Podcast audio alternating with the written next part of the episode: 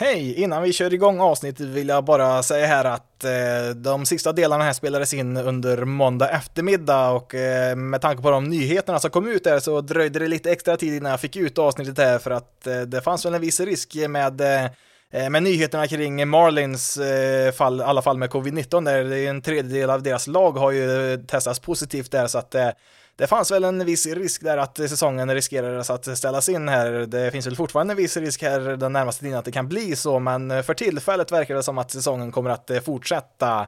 Eh, jag ville bara flika in där så ni vet att det, det tog lite extra tid att få ut det när jag var tvungen att ha lite koll på om det faktiskt skulle bli någon säsong eller inte fortsatt.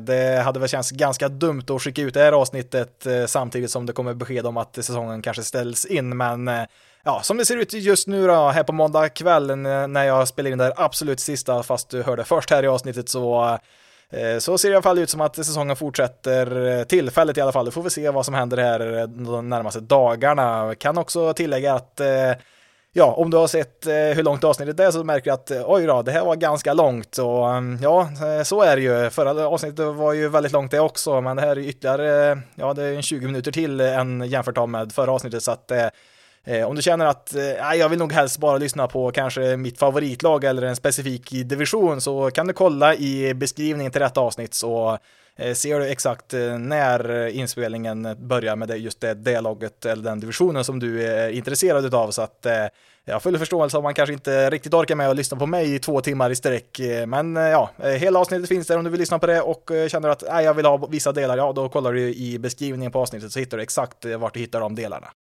Eh, men eh, nog om det, nu börjar avsnittet. Hej och välkommen till Bases loaded, en svensk podcast om Major League Baseball.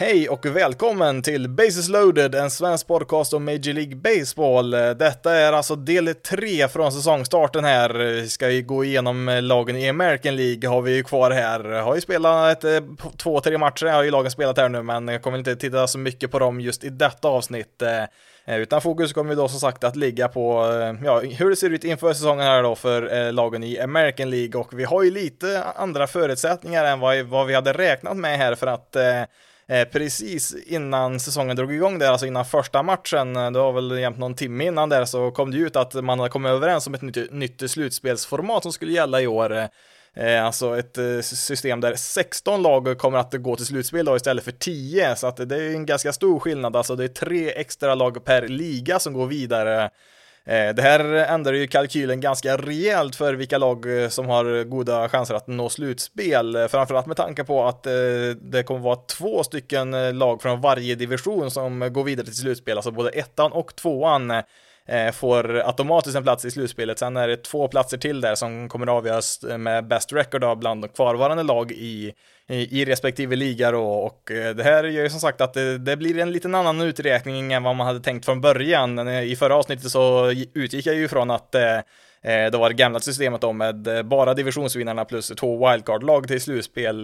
Det, ja, det vänds ju lite upp och ner nu för att eh, det finns en del lag som jag fortfarande har väldigt svårt att se skulle kunna vinna en division som hade krävts innan då, men att eh, något av de här lite, lite sämre lagen som man kanske annars hade tippat tre, fyra divisionen, att något av de lagen skulle kunna ja, klättra upp och kanske skrälla till sig en andra plats i divisionen. Det är ju ganska rimligt ändå, så att det, det gör att många mer lag absolut har ju chansen. Ja, det säger sig självt, sex extra lag går ju till slutspel, men Eh, Eh, det innebär ju framförallt också att det är väldigt många fler lag som kommer att ha chansen. Alltså det är en del mediokra lag som man trodde att nej, det här kommer nog inte att gå, men eh, kan de eh, liksom vinna en 32-33 matcher, ja då, ja då är man väl nästan garanterad en plats. Det är alltså mer än hälften av lagen kommer ju nu gå till slutspel i år, så att det är väl mycket möjligt att vi får se något lag som Eh, har ett record under 500 som eh, går vidare till slutspel också. Det, det ska vi nog inte räkna bort. Eh, så det är även, ja, alltså jag tror väl fortfarande de här absolut sämsta lagen, alltså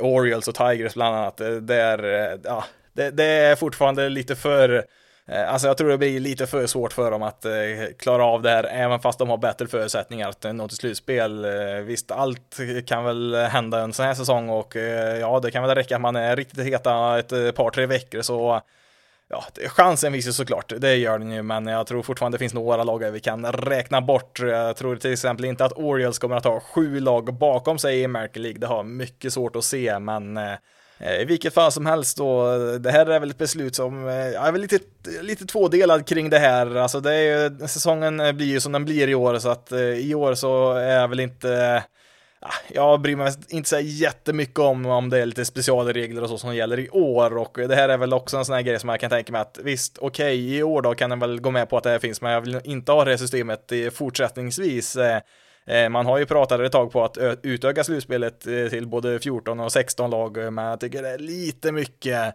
Jag eh, har väl sagt att jag skulle kunna tänka mig att om man utökar ligan här i, i den, den närmaste framtiden till säg 32 lag, att man kanske ändå ökar antal, antal slutspelsplatser till 12 lag istället för 10 så eh, jag, jag har väl lite samma känsla för den här ändringen som jag har för den nya regeln i extra innings, alltså att man placerar en base runner på andra bas eh, vid extra innings för att Eh, Eh, se till att matcherna inte blir så långa. Det är också en sån här regel som man tänker att eh, visst, okej, okay, jag kan väl gå med på att den finns i år, men jag vill inte ha den permanent och det är väl ja, så som man känner för slutspelet här också. Eh, inte för att det måste vara exakt som det har varit, det tycker jag, det, det är inte så att jag är helt låst i det systemet som redan finns, men eh, Alltså 16 lag till slutspel utav 30, mer än hälften av lagen i slutspel. Eh, nej, det, jag tycker inte det blir riktigt rätt. Alltså jag tycker att man ska Eh, belöna de riktigt bra lagen och eh, se till att eh, det bara är de bästa som väl är med i oktober. Där. Sen visst, det kan, kan väl se att det kan vara okej okay att utöka någon extra plats och det kan jag väl se, men nej, 16 är lite mycket, men som sagt, 2020 den här säsongen får bli lite som den blir så att tänker väl inte, ehm, inte gnälla för mycket. Det är egentligen det enda som jag har lite problem med även i år, det är att första omgången Eh, kommer alla lagen då, alltså samtliga 16 lag då, ställas mot sin motståndare i en bäst av tre-serie och eh, på så få matcher kan ju verkligen vad som helst hända. Det är ju bättre än en wildcard-match, än bara en match, men eh, i just wildcard-matcherna då är det ju i regel väldigt bra lag. Det är alltså då de två lag med bäst record i varje liga då som inte vann divisionen. Det är i regel då två ganska bra lag som spelar den här matchen. Eh, nu kan man ju som sagt eh, ha ett lag som har ett record under 500 som får möta det bästa laget i hela MLB och så om ja, har de lite, lite flyt där och vinner ett par matcher. Eh, mm, ja, det känns väl inte helt rätt på något sätt där alltså. Om vi kollar på Tigers som hade sämst record av alla i, i MLB förra året. De hade ju en tre match i serie mot Yankees på bortaplan förra året då, där de vann två av tre och ja, alltså kan Tigers göra det mot ett av ligans bättre lag, eh, då är det klart att eh, ett lag som är sidat som nummer åtta kan eh, lätt besegra det, det bästa laget de också. Um, det, visst, en bästa av fem är ju marginellt bättre och ja, slutspelet eh, korar ju inte nödvändigtvis alltid det absolut bästa laget, utan det kan ju räcka med att man är det laget som är bäst när det gäller och ja, det är väl en, kanske en liten skicklighet i det också såklart, men Eh, Eh, på tre matcher kan väldigt mycket hända. Kanske kommer något lite sämre lag som sagt som har vunnit ja, 26-27 matcher bara, men eftersom det är så många lag som går vidare så kommer de med i slutspelet ändå och har vunnit av mindre än hälften av matcherna och så ja, kanske de har eh, något ace där i toppen av sin rotation, inte så mycket bakom det, som kan vinna dem eh, liksom match ett där och så ja, har man lite, studsar det lite rätt där i match två så vips så har man kanske slagit ut ligans bästa lag. Mm, visst, slutspel, det, ibland är det mycket tillfällighet som avgör, men ja, som jag sa, jag ska väl inte gnälla för mycket, men jag tror nog att det kan bli ett himla väsen där om, eh, säg att eh, Dodgers igen då snöpligt åker ut direkt i första, sin första slutspelsrunda. Mm, ja, jag kan, jag kan tänka mig rubriken och allt gnäll det kommer bli då.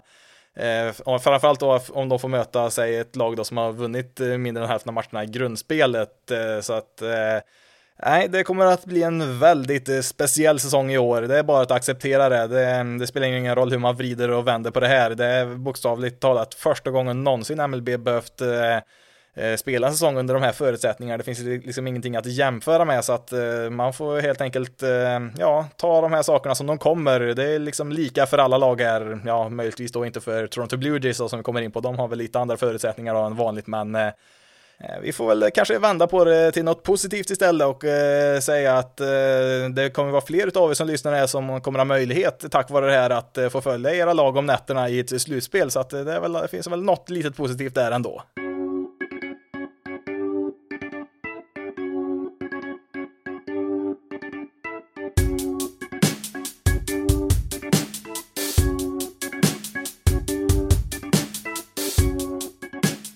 Då ska vi dyka in i American League West och börja med ett lag som jag absolut tror kan gynnas av, den här, av det här nya slutspelssystemet. Los Angeles Angels, eh, ett lag som jag nog inte tror hade något slutspel under de gamla förutsättningarna då, men eh, eh, nu har man ändå ganska hygglig chans här. Fortfarande svårt kanske att ta andra platsen. Alltså Astros och Ace är fortfarande favoriterna där till första andra platsen.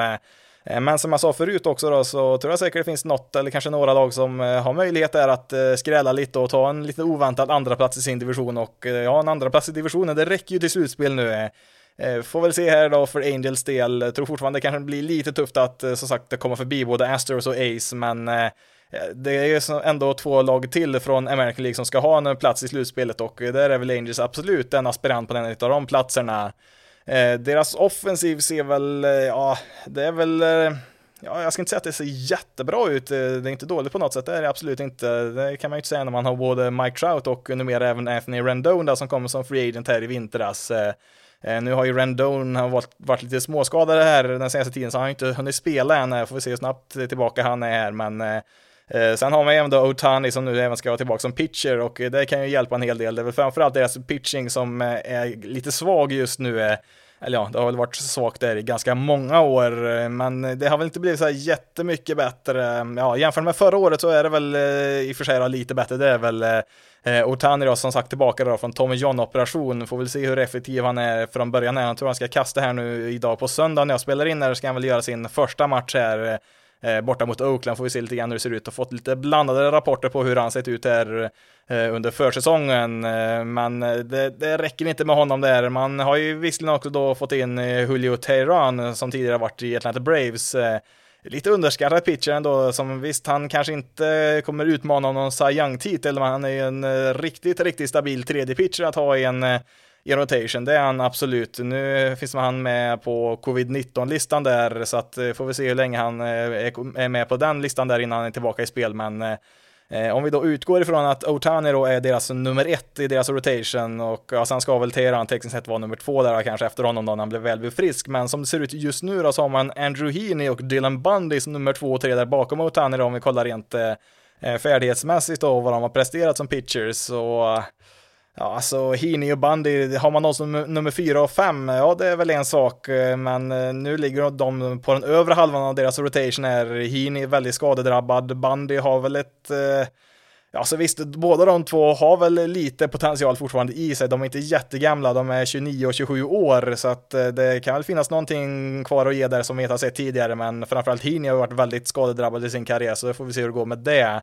Eh, man har även Griffin Canning där som eh, ja, debuterade väl förra året. Eh, ja, lite blandade resultat där, ganska ung fortfarande, 24, så att han kanske har en extra växel, absolut, men kan, kan verkligen se det här laget rasa ihop tack vare sin rotation, det skulle jag kunna se. Framförallt om Otani kanske har lite svårigheter i början när han kommer tillbaka, då ser det ganska mörkt ut tyvärr för Angels, men om vi då återgår till deras offensiv här istället då, så ser det betydligt bättre ut där.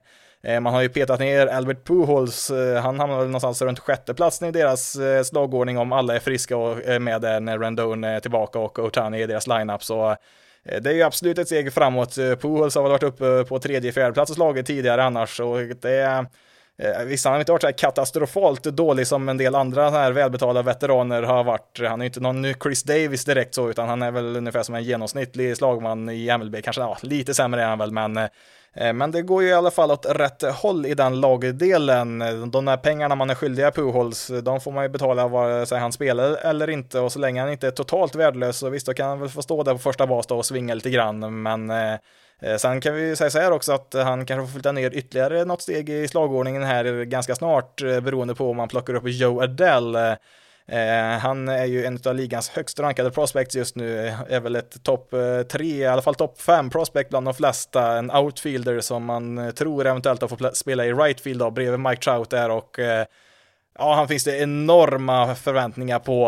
Alltså, eh, det, ja, det finns en anledning till att han rankas så högt som han eh, faktiskt gör bland prospects. Sen är ju inte det någon garanti, absolut inte, men eh, är han i närheten av den spelaren som man hoppas att han ska bli, ja, då kommer han nog ganska snabbt att eh, ta sig förbi även Pujols i slagordningen här, så att eh, Rent offensivt så finns det väl ändå lite goda tecken, men eh, alltså deras pitching, starting pitching framförallt då, deras bullpen eh, eh ser väl lite bättre ut, men Eh, Eh, deras starting pitching är ju absolut deras stora svaghet, eh, men kan de hålla sig friska och eh, kasta på ungefär den nivån de har gjort tidigare, de här namnen som de har, ja men då tror jag nog ändå att det finns rätt okej okay chanser för dem att nå, ta en av de här sista slutspelsplatserna.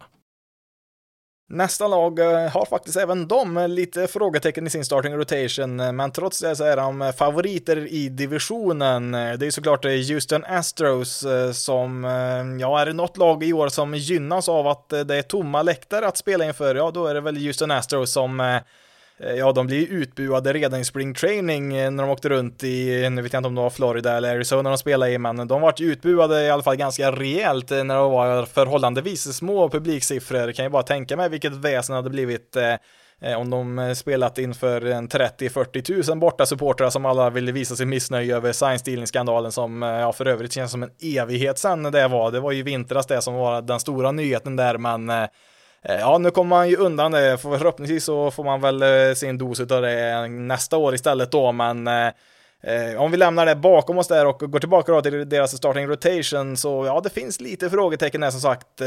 Gary Cole har ju då lämnat. Det är ju såklart ett enormt avbräck, kanske den bästa starting pitchen i hela MLB just nu. Eh, Eh, kvar finns ju då Justin Verlander och Zach Greinke, två väldigt rutinerade herrar, är ju 37 båda två och eh, vanligtvis så brukar ju det vara en ålder som inte är speciellt gynnsam för en starting pitcher, men eh, eh det finns ju alltid ett och annat undantag och eh, två av de undantagen är ju just Verlander och Greinke som fortsatt har varit effektiva trots sin ålder. Men man ska ju vara medveten om att det, det kan ju plötsligt hända någonting när man börjar bli till åren så kan ju gå ut för ganska snabbt, men jag eh, tänker inte att eh, satsa emot dem på något sätt eh, förrän de visar tecken på att de är slut. Så att man får väl utgå ifrån att de kommer fortsätta att vara effektiva även i år då, tills de bevisat motsatsen. Man ska väl också tillägga att Verlander hade ju en ljumskoperation han genomförde under våren här som gjorde att han egentligen skulle ha missat lite tid, lite tid på säsongen om man spelat enligt ordinarie spelschema då, men nu ska han ju vara tillbaka vid full styrka, säger man i alla fall. Eh, han har ju kastat en match här mot Mariners och i och för sig så ska vi nog inte dra för mycket slutsatser kring eh, bara en start mot eh, divisionens sämsta lag här, men i alla fall då så efter Verlander och Greinke där så har man ju även då Lance McCullers Jr som inte har kastat på ganska länge nu. Han gjorde ju en Tommy John operation sent på säsongen 2018 och har inte kastat sedan dess i en match. Så ja, även han har ju startat en match här och eh, gick väl okej. Okay. Återigen då mot Mariners då får man väl ta med en nypa salt, men eh, det är väl positivt att han orkar kasta sex innings i alla fall utan några större problem så.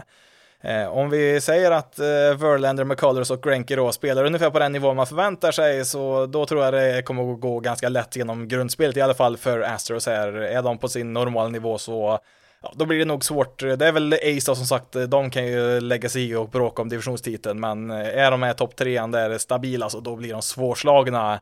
Eh, bakom dem där så ska ju även eh, Jose Urquide in här någonstans. Han fick ju ett litet minigenombrott i, i slutspelet här förra året, hade ju några riktigt bra matcher där.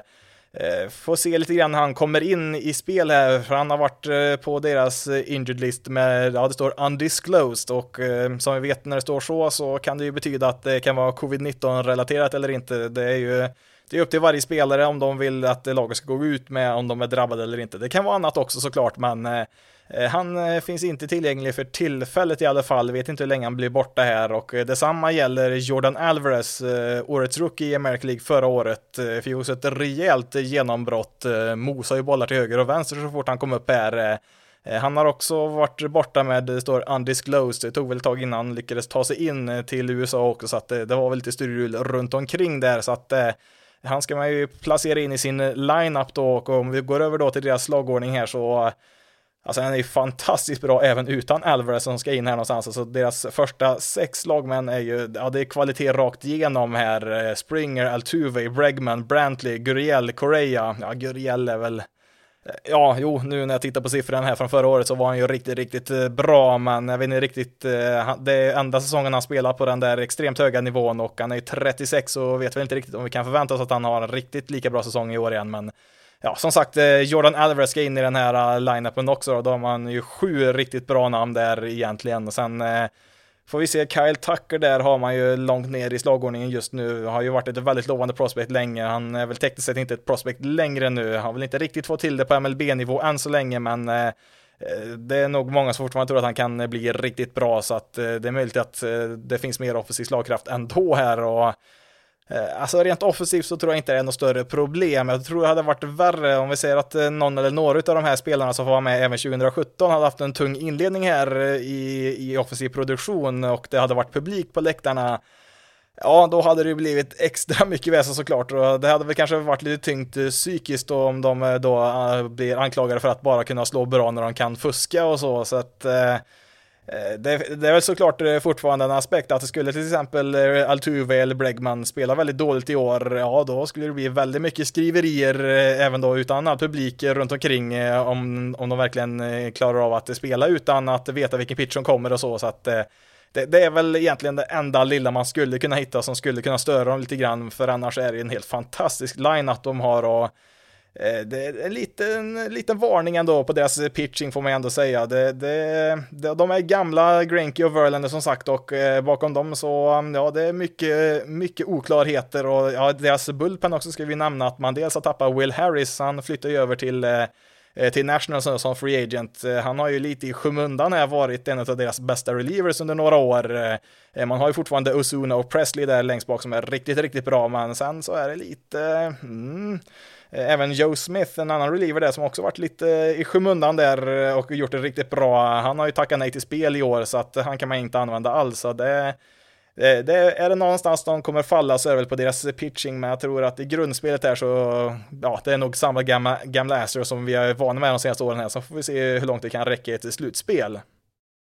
Seattle Mariners är ju klart divisionens sämsta lag på förhand i alla fall, men ja, jag har väldigt svårt att se det här laget konkurrera om någonting annat än ett högt draftval nästa år. Eh, men om man är en Mariners-supporter då, vad ska man ha lite koll på? Mm, jo, det finns väl några av de här yngre spelarna som ska vara med i nästa vända när laget blir bra igen. De finns ju redan på deras eh, MLB-roster. Eh, vi har ju bland annat ett eh, par pitchers, eh, Jussi Sheffield och Justin Dunn där som man kan, kan ha lite utkik på.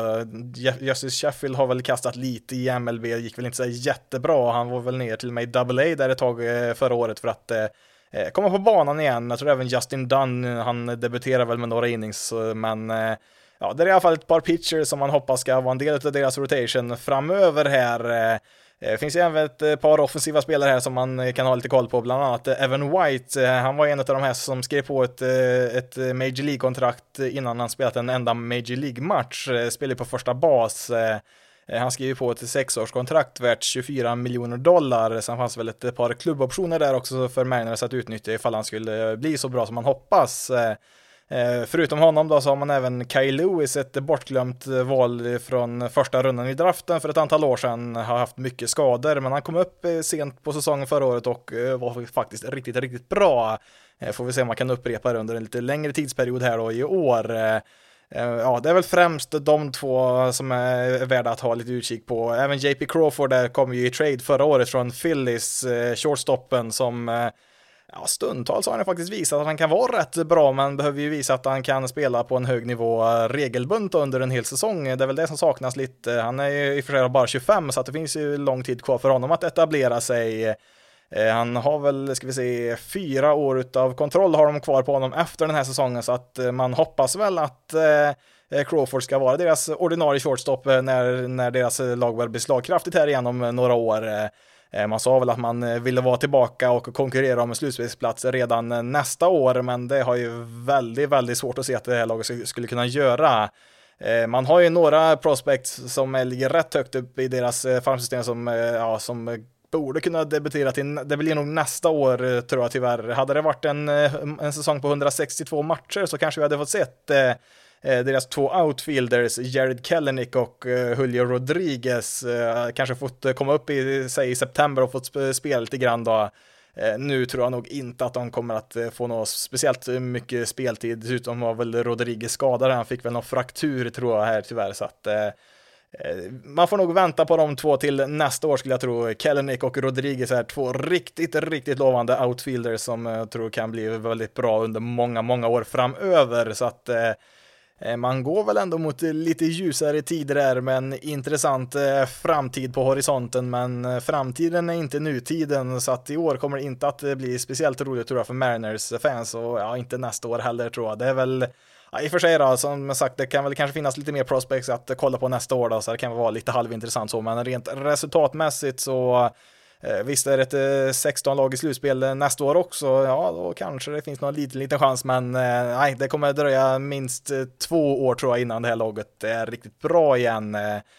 Framförallt kommer det nog vara ganska tufft för Mariners-fans att kolla på deras bullpen. Det är mycket, ja ska vi säga, reservdelar, alltså pitchers som tidigare kanske har varit den sista relievern att få plats i en bullpen i andra lag. Det är liksom ungefär vad The Mariners eh, bullpen består av just nu, så att där kan det bli ganska tungt. Eh, eh, kan vi säga så här att just på Fangraphs då så har de någonting som kallas för power ranking då, så de rankar alla spelare på alla positioner och ser vem som är bäst på respektive position och Mariners har noll spelare på topp 100-listan över bästa relievers just nu och visst, alltså power rankings, sån, sån här, ja, de säger väl inte så jättemycket egentligen alltid, men eh, det talar väl ganska mycket för Mariners bullpen just att de inte har en enda reliever som rankas bland de hundra bästa på positionen, så att eh, eh det finns väl nog en viss risk att det kommer vara väldigt frustrerande om man eh, hejar på Mariners att eh, titta på dem, framförallt då kanske i matcher där man hänger med ganska bra för att sen se sin bullpen då implodera totalt och sen se motståndarlag bara springa ifrån dem. Så Eh, som sagt, eh, kolla gärna på några av de här unga spelarna som kommer vara framtiden här, men undvik samtidigt att titta på resultattavlan, för det kommer inte vara lika vackert kan jag nog eh, gissa. Nästa lag, eh, Texas Rangers, de befinner sig väl lite grann i samma sits som Angels, ett lag som jag inte tror hade något slutspel under det ordinarie slutspelsstrukturen, men som det ser ut nu då med 16 slutspelslag så mm, ja, då finns det ändå rätt hyggliga chanser här också. Eh, det är ett lag som framförallt har byggt upp en lite intressant eh, starting rotation. Eh, sen tidigare så har man haft Lance Lynn och Mike Miner. Framförallt Lance Lynn var ju riktigt, riktigt bra förra året. Problemet var väl att det inte fanns jättemycket att fylla på med bakom Lynn och Miner förra året. Båda de två kastade ju över 200 innings med en ERA runt 3,5 så att de bar ju det här laget till ett rätt respektabelt record förra året. Var väl strax under 500 till slut blev det väl, men det var ju betydligt bättre än än vad många hade trott. Eh, men eh, som sagt, där bakom dem så ja, det, det, var inte mycket värt att nämna där bak, så att eh, man har ju värvat in tre stycken helt nya starting pitchers, två stycken free agents då, först Cal Gibson senast i Minnesota och eh, sen var det även Jordan Lyle som avslutade väldigt starkt i Milwaukee förra året. Eh, Eh, nu kommer väl knappast Gibson eller Lyles att få några Cy Young-röster här eh, under hösten, eh, men skulle de kunna kasta stabilt och ha en ERA någonstans mellan 4 och 4,5, alltså inget spektakulärt så, så ja, då ser det ju genast mycket bättre ut för Rangers, mycket bättre förutsättningar att lyckas i år, för att det, det var ju katastrof bakom Lynn och Miner i deras starting rotation förra året. Eh, sen kom vi då till deras wildcard här i deras eh, starting rotation, Corey Kluber som, eh, ja, han skulle, jag skulle inte bli överraskad om han var deras bästa pitcher i år, och jag skulle inte bli överraskad om han var deras sämsta pitcher, alltså det är ju en före detta Cy Young-vinnare som hade en väldigt tung säsong förra året. Han har ju fyllt 34 nu. Han startade väl bara en så här åtta matcher eller något förra året där innan han blev skadad och missade resten av säsongen. Men det såg ju inte alls bra ut när han väl var på planen eh, förra året, hade en ERA över 5, eh, så att han eh, Ja, han blir lite svår att förutspå hur han kommer att spela i år. Vi vet ju inte riktigt om vi kan få Sayang Kluber eller föredetting-kluber här. Jag tror väl att vi hamnar någonstans där mitt emellan. Jag är mycket svårt att tro att Eh, att han kommer vara riktigt så dålig som han var förra året. Eh, någon förbättring kommer vi nog att se, ja, ganska mycket förbättring tror jag nog faktiskt vi får se från honom, men eh, eh samtidigt så har, vi nog, har han nog sett sina bästa dagar i ligan, det tror jag också, men eh, det är ändå fem stycken etablerade starting pitchers här. Det är ju mer än vad många andra lag kan säga. Sen kanske man inte har något äkta ace riktigt. Lance Lynn var väl stundtals på den nivån, men Eh, vet väl inte riktigt om vi kan räkna med att man återupprepar den prestationen i år och framförallt att han kanske kan göra det under en hel, hel säsong, men eh, Alltså, det, alltså det, det, finns nog ganska många lag eh, som skulle ha den här, deras rotation här som de har i Rangers jämfört med sin egen, så att eh, får de det att stämma där, ja då har man i alla fall en väldigt bra grund att bygga en slutspelsjakt på. Deras line-up är då i slagordningen, mm, ja, Eh, ja, det är väl lite grann som starting rotation på ett sätt. Det skulle väl kunna gå vägen, men jag är väl lite mer osäker på deras offensiva egenskaper här. Eh, man har ju såklart vissa spelare som Danny Santana och Joey Gallo framförallt. Joey Gallo var ju på MVP-jakt där ett tag förra året innan han tyvärr då blev skadad. Han var ju något så fruktansvärt bra där i början innan det, innan det var något som gick i sönder där för honom, men Eh, Eh, ja, vi får väl se om man kan återupprepa det i år igen. Man har fått in, ja, Todd Frazier har man fått in där på, han ska väl spela första bas, är väl inte heller något, eh, ja, han har väl också sett bättre dagar om vi säger så, är väl en stabil spelare, det kan han väl kanske vara, men inte så mycket mer och det är väl lite grann det man ser i mycket i Rangers lineup. Det finns väl en del stabila spelare, men inte någon eh, Ja, det, det kryllar ju inte med eh, potentiella superstjärnor här. Visst, eh, Shinzo Chu kan väl få till det ibland och så, men Mm, det är lite tunt eh, måste jag ändå säga. Ja, klart man har Jeff Mathis eh, på catcher, en av MLBs sämsta offensiva spelare genom alla tider har de ju satt. Eh, alltså, jag, nu hittar jag inte bara på här, utan det, det är väl dokumenterat att Mathis är bokstavligt talat en av de sämsta slagmännen någonsin i MLBs hela historia, ja, borträknat pitchers då såklart. Eh, Eh, nu är han såklart eh, väldigt mycket bättre defensivt då, det är ju enda anledningen till att han eh, har ett jobb fortfarande i MLB, men ja, kollar vi på hans statistik, alltså catchers brukar vara, ja, säg 10-15% sämre i snitt än en eh, genomsnittlig slagman då, catchers brukar vara lite svagare offensivt då, eh, i genomsnitt då som sagt, men eh, Jeff Mathis då, han var 98% sämre än genomsnittet förra året och då hade han ändå en 250 plate appearances så att det var inte så att han bara fick gå upp och slå två, tre gånger förra året. Så Eh, ja, jag tror jag, jag tror jag pratade lite om honom i förra sommaren, eh, Jeff Mathis, eh, som han var väl i Rangers då också tror jag det, så att Ja, han är ett litet fascinerande fall såklart, men han slog eh, faktiskt en triple här igår i lördags. Eh, kanske säsongens mest oväntade triple skulle jag nog gissa på. Det är nog inte så jättemånga sådana i hans karriär skulle jag gissa på, men eh, ja, tillbaka då till ja, laget i helhet här. Jag, jag tycker väl Alltså jag håller nog Angels snäppet högre än Rangers, det gör jag. Inte för att jag tycker att Angels är jättemycket bättre, det är de absolut inte, men eh, jag håller väl dem som trea i divisionen och Rangers eh, fyra. Eh, jag skulle väl säga så här att då skulle man få ta Rangers rotation och placera den i Angels, ja då skulle Angels bli ett väldigt intressant lag i år, men ja nu ser det ut som det gör här. Eh, kan Rangers rotation spela, alltså kan de, eh, deras fem starting pitchers spela ungefär som de gjorde förra året plus att eh, ja, Corey Kluber då spelar framförallt och spelar lite bättre så Ja, då kan det ju gå vägen här till oktober, men jag är lite orolig för deras offensiv faktiskt. Det är lite, lite tunt. Det finns väl inte så jättemycket att fylla på med nerifrån heller. Man har ju då Shoe Santana, Gallo där. Det är väl ja, de kan man väl nog räkna med kan prestera rätt bra. Man hoppas väl lite på Willie Calhoun här, att han ska få något genombrott här. Har inte riktigt eh, fått det efter, ja, hur länge har han varit i MLB nu egentligen? Ska vi se.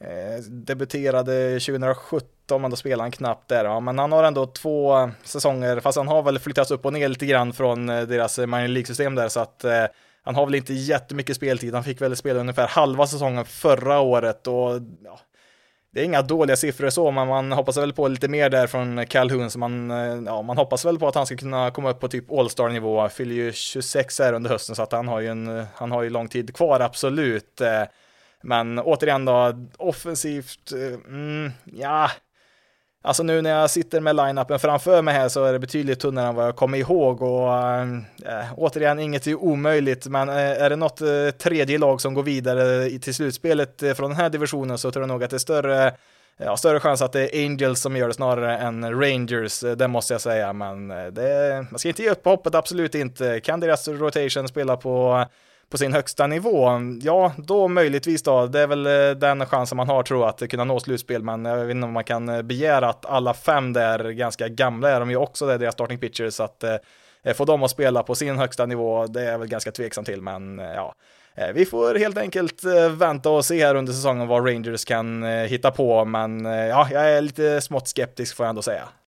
Till sist har vi Oakland Ace eh, som är, är väl det största hotet eh, för Astros då till divisionsvinsten. Eh, Ace var ju riktigt bra redan förra året, följer sen då i wildcard-matchen mot, mot Rays. Det är ju ett lag som, ja de har inte blivit något sämre, de har väl tvärtom blivit bättre, skulle jag väl tro i alla fall. Inte för att de har gjort speciellt mycket nyförvärv, de har väl nästan inte fått in något nytt, eller ja, de har väl lite nya spelare, det har de väl, men inte ja, det är mest eh, rollspelare och bänkspelare som vi pratar om då, utan kärnan av laget eh, finns ju kvar här.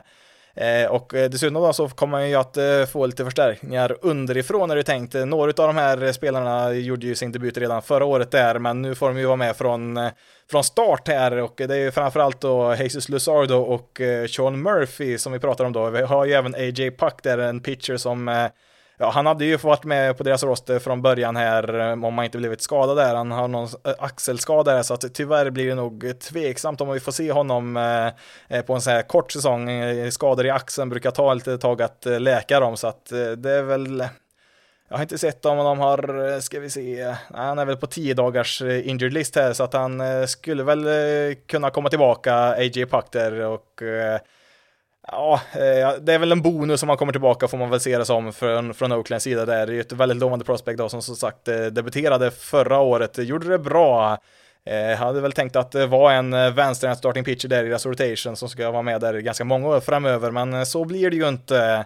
Eh, Hazel Luzardo då, den andra pitchen där som jag nämnde, han debuterade också då förra året, även han vänsterhänt. Han kommer inte att vara i deras starting rotation nu till en början i alla fall. Han är i deras bullpen mer som en eh, som en long reliever där, alltså som kommer in och kan kasta två, tre innings när han kommer in där och eh, eh det finns väl en viss tanke med det, för jag har sett eh, på de två matcherna som Ace har spelat så här långt eh, så har ju deras starting pitchers inte fått komma ur ens femte inningen, så att man vill väl kanske vara lite försiktiga med sina starting pitchers där och låta deras bullpen där ta lite mer ansvar här i början. Får vi se om det blir en ändring här framöver. Det har väl varit väldigt olika har jag märkt från lag till lag.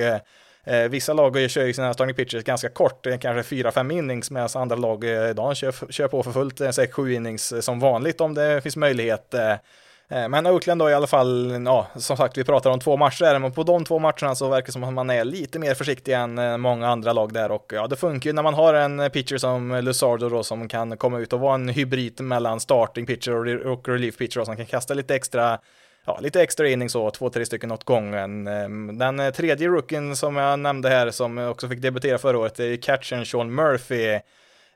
Um, alltså kollar vi på deras lineup här då, där Murphy, ja, han slår som nummer nio just nu, eh, lite udda val där. Han, han gjorde ju faktiskt riktigt bra ifrån sig om jag inte minns helt fel förra året där. Visst, det var väl bara i ja, i september då, så det är inte jättemånga matcher att röra sig om det, men uh, han hade ju som sagt väldigt bra resultat på de uh, ja, 20 matcherna där, men ja, i vilket fall som helst, eh, om vi jämför då Ace med eh, rivalen då, Astros, så eh, Visst, Astros har en bättre lineup, det har de, men om vi kollar det på Ace så det är inte så att eh, de är jättelångt ifrån heller. Eh, man har ju då Semien, Loriano, Chapman, Olson, Davis och även Kärna kan vi räkna in där, sex stycken eh, Mm, ja, det är ingen av de där som är en enkel out direkt. Eh, det är ganska mycket kvalitet där. Eh, återigen, inte riktigt på samma nivå som Astros, men inte jättelångt ifrån då. Får vi se lite grann med Chris Davis. Han hade ju en väldigt tung säsong förra året. Eh, Spelade i och för sig också skadad under stora delar av året som påverkar en del, men han kan ju, kan inte bli så mycket sämre kan man ju tycka. Annars så får man ju nog börja leta efter alternativ därför att om man spelar på samma nivå som man gjorde förra året, det är inte riktigt hållbart med honom där. Eh, men i alla fall, alltså Matt Chapman, eh, det är liksom en eh, MVP-kandidat när han spelar på sin högsta nivå. Samma med Marcus Semien, han var ju fantastiskt bra förra året. Han fick ju MVP-röster bland annat. Mark Hanna fick ju ett stort genombrott förra året, kommer verkligen ingenstans. Spelar deras outfield här nu, han ska vi se spelar väl rätt mycket också. Mm, jo, han spelar ändå 126 matcher och eh, VRC plus på 146. Eh, det är en spelare, visst han var, hade väl en okej okay säsong eh, 2018 också, men det är en spelare som verkligen har flygit under radarn och sen exploderade förra året där. Får vi se om man kan ha någon mer spelare som kanske gör det i år också. Ja, ju, ju mer jag tittar på deras lineup är desto mer förstår jag väl kanske varför man har satt Sean Murphy där catchen ganska långt ner i slagordningen. Eh, det är ett, jag tycker det är ett väldigt intressant lag där ändå som Ace har. Eh, det, mm, alltså nu när det är två lag från varje division minst som går vidare till slutspel, eh, då finns det inga ursäkter för det här laget att inte nått i oktober. Visst, man kanske inte rubbar på Astros i toppen här, men tar man inte andra platsen då är det en väldigt stor besvikelse. Visst, det finns väl en viss chans då om man tar en av de här två extra platserna som finns också, men Eh, man, man ska ju till slutspel med det här laget, punkt slut. Det finns inte sju lag i, i American League som är bättre än Oakland, i alla fall då inte på förhand.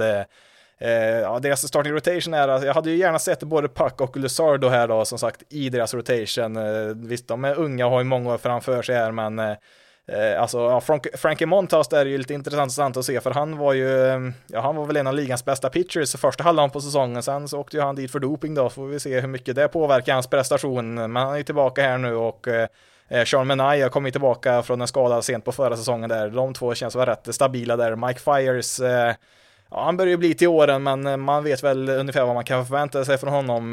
Han, ja, han kastade väl för sig en no-hitter förra året där och var ju, ja, han var ju faktiskt riktigt bra andra halvan på förra säsongen och det kanske funkar nu också när en kortare säsong och få till resultaten då också. Ja, han hade faktiskt en ERA under fyra där till slut så att eh, eh, han hade ju ganska tungt där på första halvan av säsongen men ja, det blev som sagt ganska bra där till slut. Eh, Sen har vi Chris Bassett där, nummer fyra. Ja, han, vet, eh, han spelade ju rätt bra förra året där, men jag hade ändå gärna sett Paco och Luzardo där redan från början. Eh, hade man fått in de två där så hade det sett riktigt bra ut i deras rotation där, men ja, Eh, Ace eh, tränarstab har väl nog betydligt bättre koll på än vad jag har hur läget ligger till med deras pitchers är, så att eh, de vet väl vad de sysslar med. Så eh, eh ja, allt utan slutspel är ju ett eh, fiasko för det här laget och ja, väl där så har det varit väldigt tufft för Oakland. De har väl inte vunnit en, en slutspelsmatch på jag vet inte hur många år.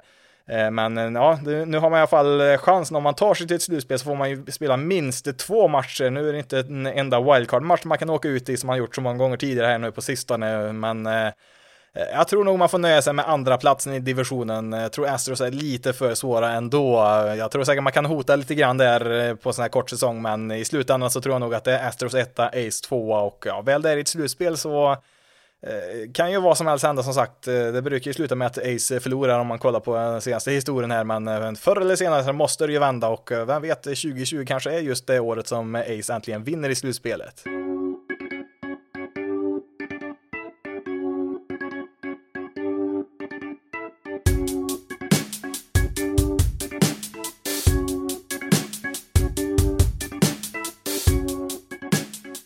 Då är det dags för American League Central, den svagaste av divisionerna i MLB just nu. Det är väl de flesta överens om. Det är främst då Tigers och Royals som drar ner ryktet här för divisionen. Eller ja, det är väl kanske inte helt eh, rättvist. Det är ju två lag som var i World Series 2012, 13, eh, nej 2012, 14 och 15 blir det ja. Eh, Royals vann dessutom 2015 där så att det är Eh, det är väl kanske inte helt rättvist som sagt mot de lagen, men de är inte speciellt bra just här och nu. De är rent ut sagt urkassa får vi ändå säga, så att vi kan väl lika gärna få dem ur vägen här. Ja, nu är jag väl lite elak här också. Eh, det är väl kanske inte det man vill höra om man har suttit och längtat efter att få höra om just Tigers och Royals som det är ens favoritlag, men eh, ja, det finns väl inte så jättemycket att prata om de här lagen egentligen. Det är ju två lag som förlorade över 100 matcher förra året och um, ja, det fanns väl nog en risk att man hade gjort det i år också. Man hade spelat 162 matcher. Eh, om vi då startar med Detroit Tigers, eh, ja, alltså det är, jag, jag tror väl ett lag som är förbättrat jämfört med förra året. Eh, inte för att jag tror att de kommer ha någon större chans till att nå slutspel, men Eh, man har ju ändå shoppat loss lite här nu i vinter, inga stora namn direkt så. Man eh, plockar in Jonathan Scope eh, på andra bas och CJ Chrome på första bas. Även Austin Romine där på catcher har man fått in så att det är ändå bättre än vad man hade förra året. Visst, när man hör Scope, Crone och Romine, det är inte så att de flesta lagen tänker oj vilka uppgraderingar det där hade varit för vårat lag. Det är det absolut inte, men Alltså Tigers offensiv 2019 var en av de sämsta, ja, en av de sämsta laginsatserna rent offensivt då för ett lag på hela 2000-talet. Det var väl eh, något enstaka lag som varit lite sämre då, men eh, ja, det var, det var bedrövligt eh, förra året. Det var liksom Miguel Cabrera plus minor League-spelare i, i princip då. Ja, nu var inte Cabrera speciellt bra han heller, men han spelade väl skadad stora delar av säsongen.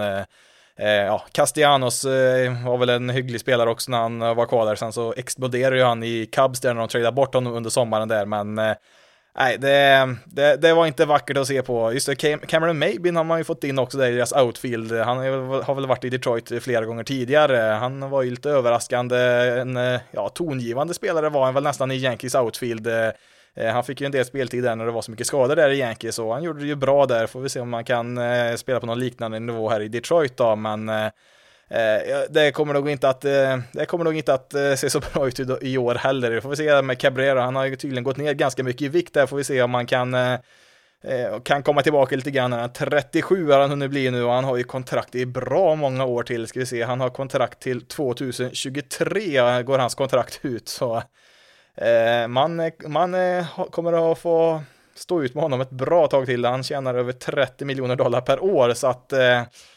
Mm, det är, ja, 2023 är väl kanske för övrigt ungefär det året som kanske Detroit har ett ganska bra lag igen för att eh, eh det, det, finns lite intressant här i deras farmsystem eh, främst, eller ja, i stort sett bara pitching då, men eh, Eh, alltså det här laget hade kunnat varit lite intressant i år ändå om de hade plockat upp eh, sina, sina pitching prospect. Eh, framförallt har de en trio här, ska vi säga, det är Tarek Screwball, Matt Manning och Casey Mice. Eh, alla de är 22 och 23 där, alltså de är Eh, Eh, ja, hade jag varit en slagman på AA-nivå förra året där och eh, stött på Erie Seawolves då som Tigers AA-lag heter med den där trion eh, på menyn hade nästan varit gråtfärdig. Alltså Casey Mice när de skickade upp honom till AA förra året då han behövde lite mer utmaning så började han med att kasta en no-hitter då första matchen då på, på lite högre nivå så att det är Ja, de där tre är ju liksom framtiden för Tigers. Eh, nu är det ju så med pitchers att eh, det är ju sällan varenda pitching prospect eh,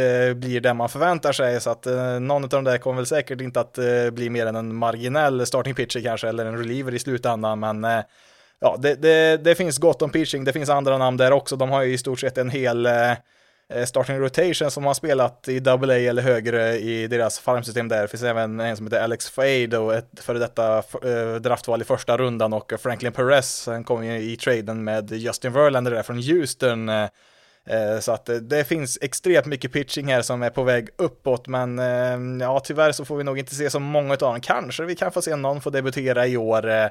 Eh, hade det varit 162 matcher så tror jag säkert någon av dem hade fått eh, komma på spel lite grann, för som sagt, eh, många av dem har redan eh, visat att de kan dominera på double A-nivå, så att det finns inte så jättemånga mer ställen för dem att spela innan det är dags för MLB-debut. Eh, eh, om man kollar på deras nuvarande rotation då, så ja, Matthew Boyd, eh, mm, ja, Eh, han var ju fantastiskt bra första, ja, ska vi säga, ja, första två månaderna förra året någonstans där. Sen så eh, hade han ju lite problem med alla homeruns han tillät eh, det till ett extremt många homeruns där ett tag som gjorde att siffrorna blev inte så här snygga till slut.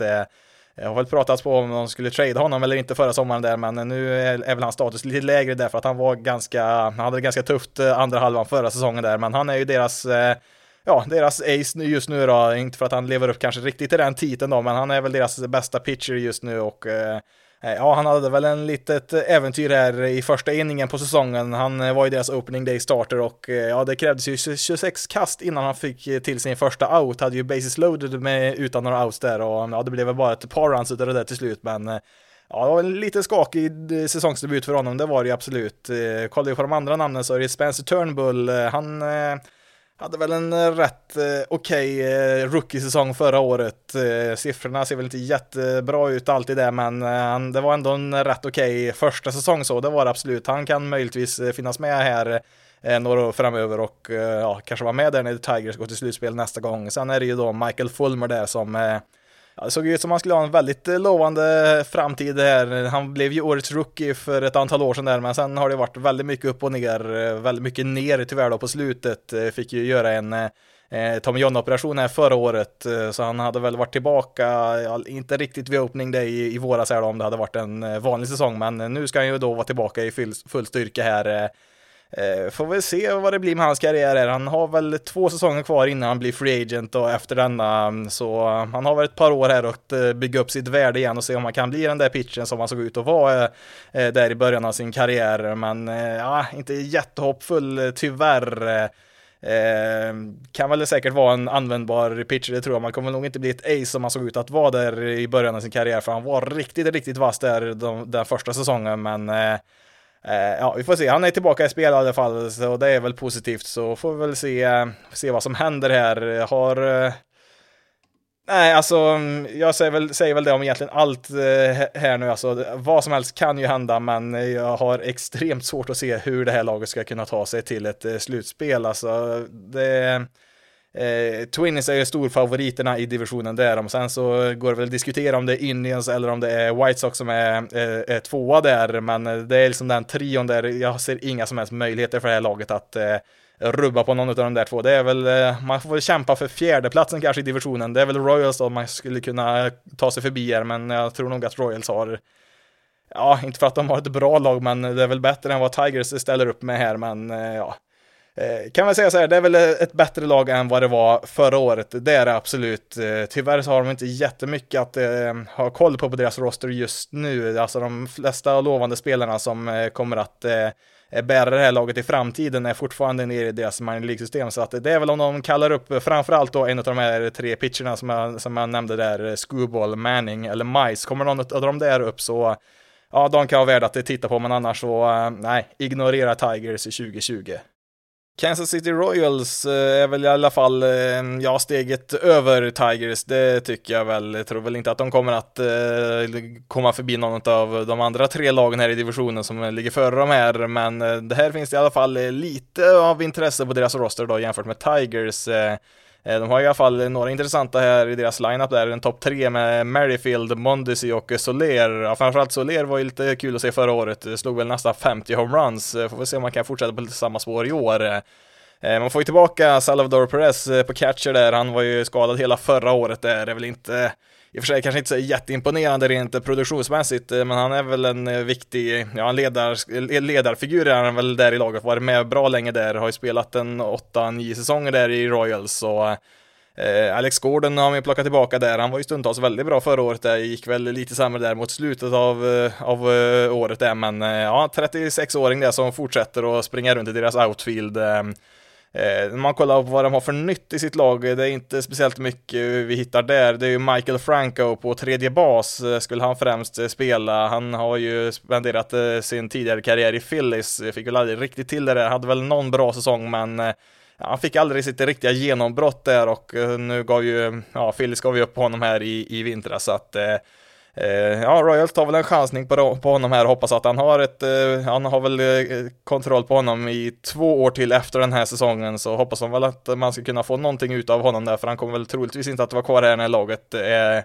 är slagkraft igen och ska vara med och slåss om slutspelsplatser. Det lär väl dröja ett par, tre år innan Royals är riktigt är med på banan igen tror jag. Och Ja, alltså det, det finns väl eh, bara uppsida egentligen här med Franco. Han eh, kommer väl troligtvis inte vara någon superspelare, det tror jag väl inte, men han tar väl inte någon annans plats heller så direkt, så att eh, eh det är väl bara ja, en chansning helt enkelt. Och skulle man lyckas med den chansningen och kan spela rätt hyggligt där så är det en spelare man kan få något tillbaka kanske även någon trade deadline här i framtiden.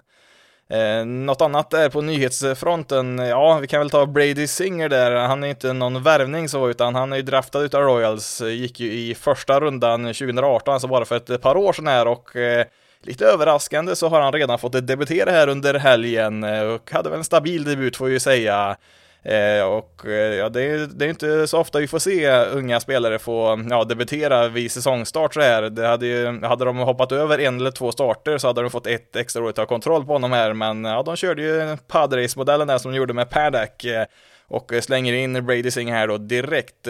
Han kom väl in i match två där tror jag det var när de vann mot Eh, mot Indians här och eh, ja, han är väl, ja, han kommer nog inte vara på riktigt Chris Paddock nivå. Det är, det är riktigt så lovande är han inte, men eh, det är ändå ett, en intressant pitcher som som sagt valdes då i första rundan bara för ett par år sedan här, 24 år gammal, så det är en spelare som är värd att ha koll på för Royals fans här då, för annars så är det väl ja, det är väl inte så jättemycket spännande som händer just nu i, mm, i Royals rotation då. Det är väl Brady Singer då, som är lite intressant att ha koll på där. Annars har man ju då Danny Duffy kvar där som, ja, den är väl stabil där, har ju varit, eh, ja, väl också varit i Royals där med större delen av det senaste årtiondet. Eh, fick in Mike Montgomery i en trade förra året från Cubs, vill ju starta lite mer och får ju chansen att göra det här i Royals. Fick väl kämpa för att få ner sin ERA strax under 5 här förra året, men det, ja, det gick ju bättre i alla fall när han fick flytta över till Royals och starta, så att eh, det är väl en eh, ja, i bästa fall är det väl en stabil pitcher, tror nog inte man ska räkna med så mycket mer än eh, så, så att nej, återigen, det är inte så jättemycket spännande i i, i Royals rotation då, förutom just då Singer då, som kan vara lite värda att ha koll på. Det, ja, man har ju deras bullpen så har ju Ian Kennedy där, om han spelar bra de här första veckorna så är väl han möjligtvis en spelare man tradar bort. Eh, han eh, var ju en starting pitcher så sent som 2018 där, men eh, det såg väl ut som han var på väg ut för det och kanske var, ja, hans karriär kanske var över, men han sadlade ju om till reliever förra året och var ju stundtals väldigt effektiv.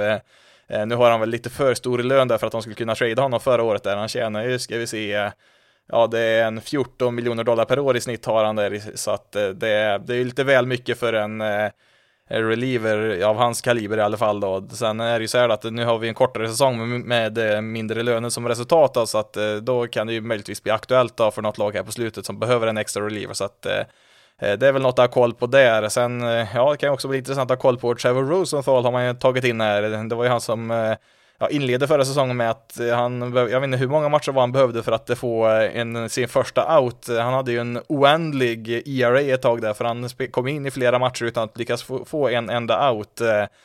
Han inledde säsongen i, i Nationals var det där som det gick så fruktansvärt uruselt. Han kom in i 12 matcher och totalt blev det 6 innings och en ERD på 22,74. Eh, Tigers plockade ju sen upp honom där och han fick ju några matcher där också, nio inningsledare där med en ERA på sju, så att det, det gick väl åt rätt håll i alla fall, men eh, ja, nej, han kunde absolut inte pricka strikezonen förra året. Eh, han har faktiskt kommit in i en match eh, eh, i år här än så länge med Royals här och eh, han har, eh, ja, han har kastat en inning och strike ut två stycken där felfri än så länge då, en ERA på noll efter en match då, så att eh, Ja, alltså, alltså det är en, eh, en reliever som har varit väldigt, väldigt duktig genom sin karriär. Om vi kollar på hans eh, karriär i Cardinals då innan han blir free agent så eh, då är det ju flera säsonger med en ERA under tre så att eh, eh, han är ju inte jättegammal heller, så han är 30 igen, så att det är liksom inte så att han är helt slut på det sättet heller, så att det är väl, det finns väl en viss möjlighet kanske att Eh, om han är effektiv här nu och även han då de närmaste veckorna här att eh, man kan få någonting i utbyte mot honom också då här vid deadlinen då som är vid 31 augusti, sista datumet som man får trada spelare i år så att eh, det är väl någonting kanske att ha koll på där. Annars så, mm, ja, man har ju en, ett helt gäng spelare som är eh, har hamnat på deras covid-19-lista. De har fyra stycken just nu. Cam Gallagher, catcher där som, ja det var ju lite kalabalik runt han också. Han eh, fick ju sin diagnos direkt efter att han varit med och spelat någon match där. Det var någon av träningsmatcherna tror jag där innan säsongen började så eh, fick han det, han tog väl testet innan matchen och sen eh, Eh, fick han reda på det efter att han var, hade ett positivt eh, test där, så att eh, det var väl inte optimalt där. Sen har man även Ryan O'Hearn, eh, Hunter Dozier, Jacob Junis och Brad Keller, ska vi se. Det är alltså då, ja, det är fem spelare till och med som man har på deras eh, covid-19-lista, så att det är väl inte en optimal uppladdning direkt för säsongen här, inte för att man kanske hade så jättestora förhoppningar ändå här då, men om vi då som, som sagt jämför då med Tiger som Eh, Eh, ja, alltså det är väl det laget som ligger dem närmast rent eh, talangmässigt är det väl så i divisionen. Eh, men eh, ah, jag tycker ändå att det är en klart bättre roster än vad Tigers har, men samtidigt jag har svårt att se det här laget komma på bättre än en fjärde plats i divisionen här och eh, ja, ännu mer svårt att se dem att eh, de skulle kunna nå till slutspel. Eh, kan väl säga så här att Tigers ger väl nästan noll chans att gå till slutspel och Royals, ja, de har väl inte jättemycket bättre odds de heller i och för sig då, men är det något av de här två lagen som jag skulle kunna se eh, som eh, kan få alltid, precis allt att stämma och lite, lite tur i någon match här och där och eh, på något sätt kunna krångla sig in till den sista åttonde platsen där till slutspelet så är det väl Royals då i så fall för de har ju ändå Ja, det finns ändå lite spelare som, som är ganska duktiga här. Det är väl mer än vad man kan säga om Tigers. Här finns det ändå ett, ett flertal potentiella All-Stars. Återigen, det är väl mer än vad man kan hoppas från Tigers roster, så att Eh, det är ju helt klart ett mer intressant lag de har här i Kansas City då jämfört med Detroit. Eh, kanske inte så jättemycket då, men det är, det är väl alltid någonting. Men eh, med det sagt så kommer det nog ändå inte bli något slutspel i år heller. Då är det dags för divisionens uppstickare, Chicago White Sox, som, eh, ja, det beror lite grann på vem man frågar är. Är det White Sox eller Indien som är det näst bästa laget i divisionen? Det, ja, det råder lite delade meningar om det. Det är väl ganska få som tror att de är bättre än Twins. De är väl ganska klara som nummer ett i divisionen just nu, men eh, eh, Ja, det är, en, det är en fråga värd att ställa här om vilket lag som är det näst bästa i American League Central. Vi ska börja här då med White Sox och se vad de har att erbjuda inför den här säsongen och Eh, ja, det ser betydligt bättre ut än vad det gjorde förra året. Eh, inför säsongen 2019 där under vintern där så signalerar man väl eh, lite grann att det kanske var dags nu att börja satsa på ja, spendera lite pengar på free agents och sånt där. Man var ju länge med och förhandla med Manny Machado och nämnde sig väl också kring Bryce Harper och sådär, men det, ja, det blev väl i stort sett ingenting där den vintern och Eh, ja, det syntes ju på planen också. Det gick ju inte så jättebra resultatmässigt heller, men eh, nu har man ju faktiskt varit lite mer aktiva här i vinter, eller man har varit mycket mer aktiva. Man har ju dels då fått in Jasmine Grandell, free agent och catcher från eh, Milwaukee senast här. Sen har man även plockat in Erin Encarnacion, 37-åringen där, som ska vara deras designated hitter. Eh, på pitching-sidan då så har man då främst plockat in Dallas Keuchel. Eh, jag vill inte riktigt den pitchen han en gång valde. Jag vill inte vara några Cy Young-röster på honom som han, ja, han vann ju en Cy Young-titel var det 2015, men riktigt så bra är han väl inte fortfarande skulle jag tro. Eh, man har även plockat in Gio Gonzales som, om inte jag minns helt, helt fel så draftar väl de Gio Gonzales en gång i tiden, ska vi se. Eh, jo, precis. White Sox draftade honom i 2004 års draft där plockar de honom, eh, men jag tror inte han, han spelar väl inte en enda match för White Sox. Eh, nej, han tradades bort ja. Så att, eh, ja, 14 år senare då så har han fått göra sin White Sox-debut här då, laget som draftade honom. Gick väl inte speciellt bra som det ser ut här. Nej, tre, tre och två tredjedels innings ERA på 14.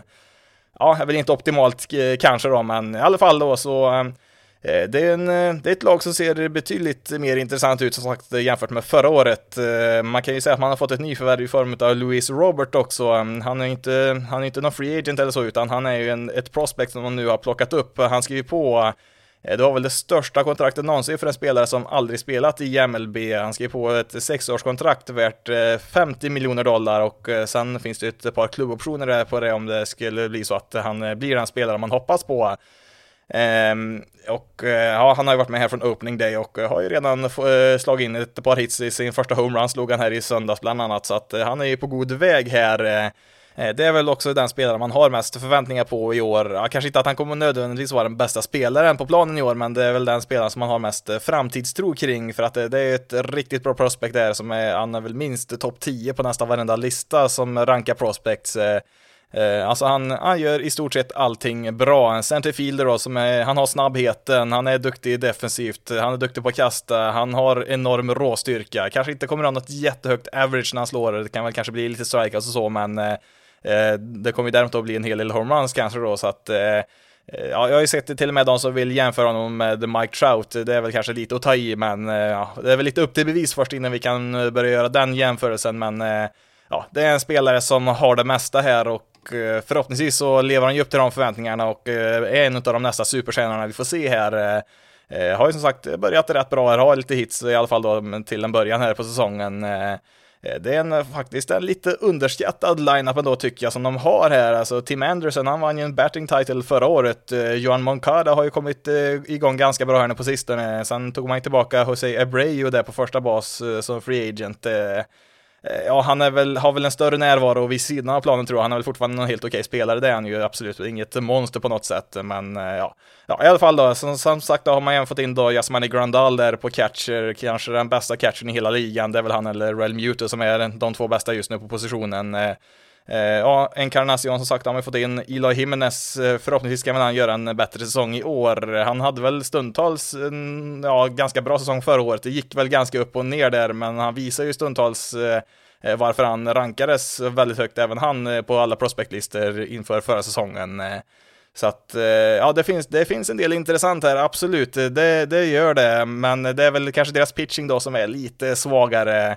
Eh, Lucas Giolito var ju fantastiskt bra förra året, det gick ju från att vara mm, ja, kanske den sämsta turning pitchen 2018 till att vara en av de bättre förra året. Eh, Eh, återstår väl att se vart eh, han kommer att hamna här i karriären, men det, det var en sån enorm förbättring vi fick se förra året. Alltså han dubblade nästan antalet strikeouts och halverade ju nästan antalet walks. Alltså det var en sån fantastisk förbättring vi såg förra året, så att jag tror nog att eh Eh, det här är en bra pitcher vi ser här. Får vi se om han kommer vara riktigt lika bra som han var förra året. Det, det, det återstår ju att se här. Hade ju en ERA på 3,4 till slut då, men det Eh, ja, vi får se som sagt eh, vad som händer med Giolito där, men det, det, det ser ju lovande ut minst sagt, det, det, måste man ju säga. Sen eh, Dallas Keuchel då plockar man in här då som sagt som, ja det är en tidigare Cy vinnare men det, det, det, var ju några år sedan nu, brukar ju annars vara ganska stabil så, kasta en hel del innings.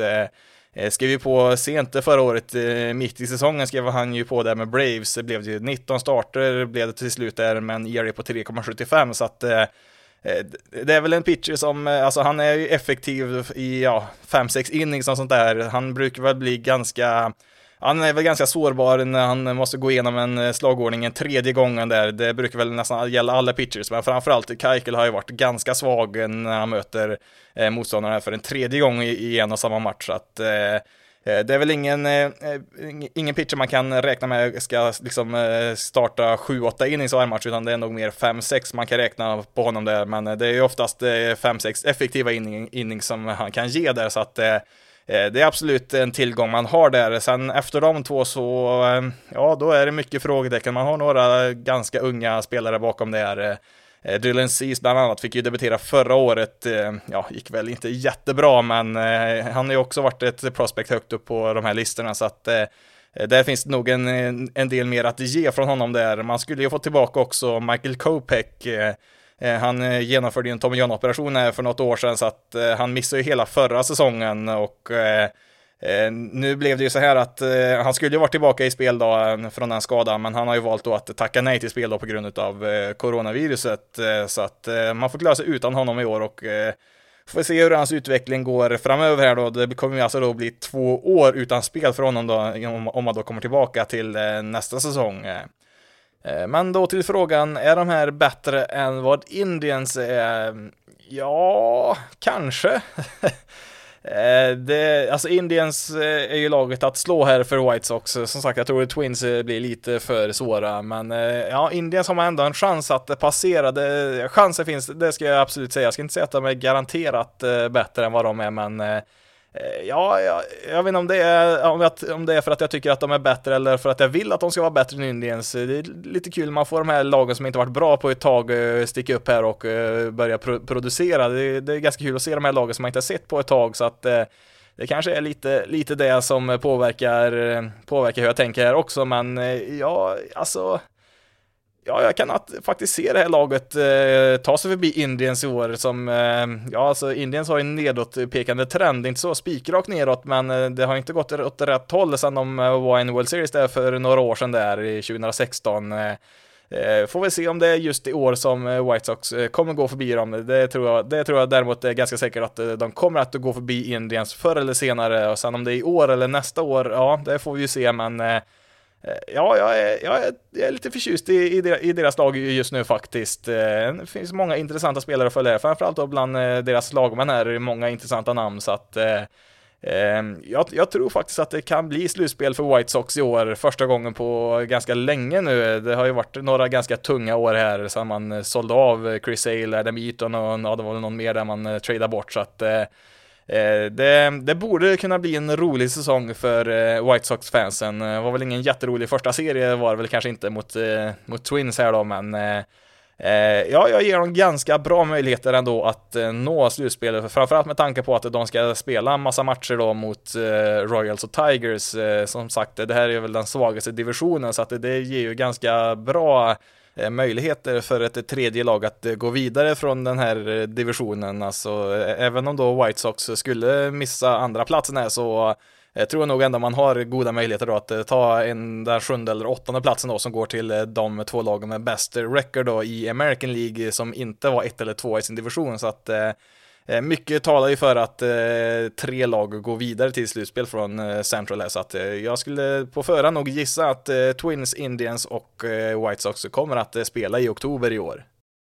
Cleveland Indians då, um, ja som sagt, eh, det är en öppen fråga om de är lag nummer två eller inte i den här divisionen. Jag tror vi såg ganska tydligt eh, förra året att Twins har dragit ifrån dem och ja, White Sox som sagt, de är på väg förbi dem också, men vi får se om det, om det är i år då eller som sagt nästa år kanske som det kommer att hända.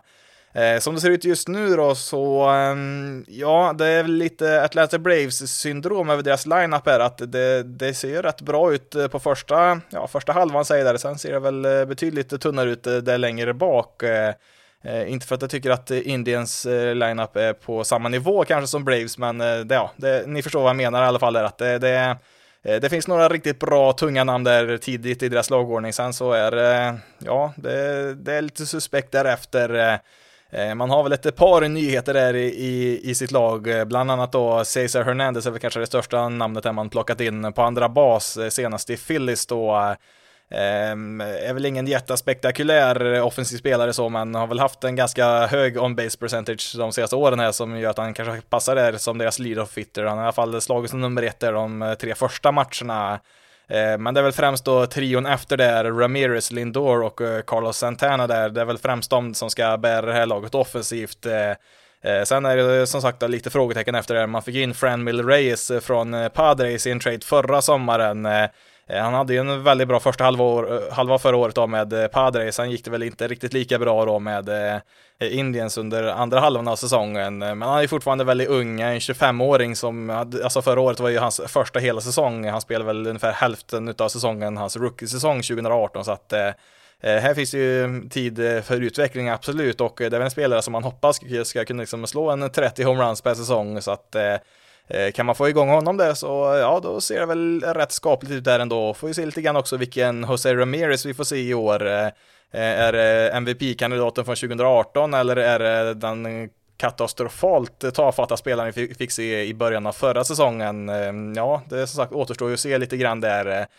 Nu kom han igång ganska bra här under förra säsongen då till slut. Räddade väl upp sina siffror så att han hade en VC plus på 104 där blev det väl, men ja, han var ju som sagt bedrövlig i första halvan av förra säsongen, men ehm, ja, med det sagt då så var han ju också med i MVP-racet bra länge säsong 2018, så att det är en spelare som eh, eh, som det finns mycket kvalitet i såklart och eh, han har väl inlett den här säsongen på de få matcherna ganska bra så att Förhoppningsvis så fortsätter han väl på den nivån för att det, det ja, man kommer ju behöva honom för, för att man ska kunna gå långt i år. Eh, sen får vi se då med Francisco Lindor då, som, eh, ja, det är väl inte så mycket tvekan om att han eh, kommer att spela bra. Det, det finns väl inget som tyder på något annat så, men eh, eh han är ju free agent efter nästa säsong, alltså man har 2021 eh, på sig där att använda honom innan han blir free agent och eh, hade det inte varit en förkortad säsong i år så är jag nästan säker på att man hade tradat Lindor här vid trade deadline som hade varit här nu de närmaste dagarna. Eh, man försökte ju trade honom redan här i vintras. Dodgers var väl tydligen ja, hyfsat nära, låter det som i alla fall, att eh, trada till sig honom, men eh, de kom inte riktigt överens där och då trodde man väl att det, det, skulle väl bli här i sommar då med ja, en och en halv säsong kvar på hans kontrakt då innan han blir free agent att man skulle få ut så mycket värde som möjligt för honom här men ja nu blev det ju som det blev här. Det, Ja, skulle vi inte utesluta att man eh, kan trada bort honom eh, mitt i den här säsongen också då? Det mm, skulle, skulle Indiens inleda ganska dåligt här och vara ute ur racet eh, ja, ganska snabbt här så Visst, då finns det väl en liten möjlighet att man tradar bort honom här innan sista augusti, men jag tror nog att med tanke på hur det ser ut så kommer man nog att hålla kvar honom här året ut. Jag tror nog inget Eh, jag har svårt att se något lag eh, vilja trada till sig honom, en sån här stor trade som eh, det kommer krävas för att få honom att få till det under de här speciella omständigheterna som vi har just nu, att det, det är nog mer, mer aktuellt att göra det efter säsongen där och jag vet inte om det blir så jättestor skillnad i vad de får i ett tradepaket då, om de tradar honom nu då med en månad kvar av säsongen eller om de tradar honom med, med ja, när säsongen är över då, när det bara är en säsong kvar på hans kontrakt så att jag tror nog att Indiens eh, får njuta av honom eh, resten av den här säsongen i alla fall, men eh, jag skulle bli nästan, ja, jag skulle bli chockerad om han är kvar på Indiens roster vid opening day nästa år. Men nu pratar vi då om säsongen 2020 här då, så ja, som sagt, första halvan av slagordningen, det, det ser stabilt ut ändå tycker jag. Eh, man har väl inte riktigt eh, samma uppsida som kanske White Sox har. Det finns, eh, ja, alltså White Sox har väl ett högre tak på sina spelare. Sen är väl Indiens spelare kanske lite mer etablerade då, så man, man vet väl mer vad man kan få från de här spelarna.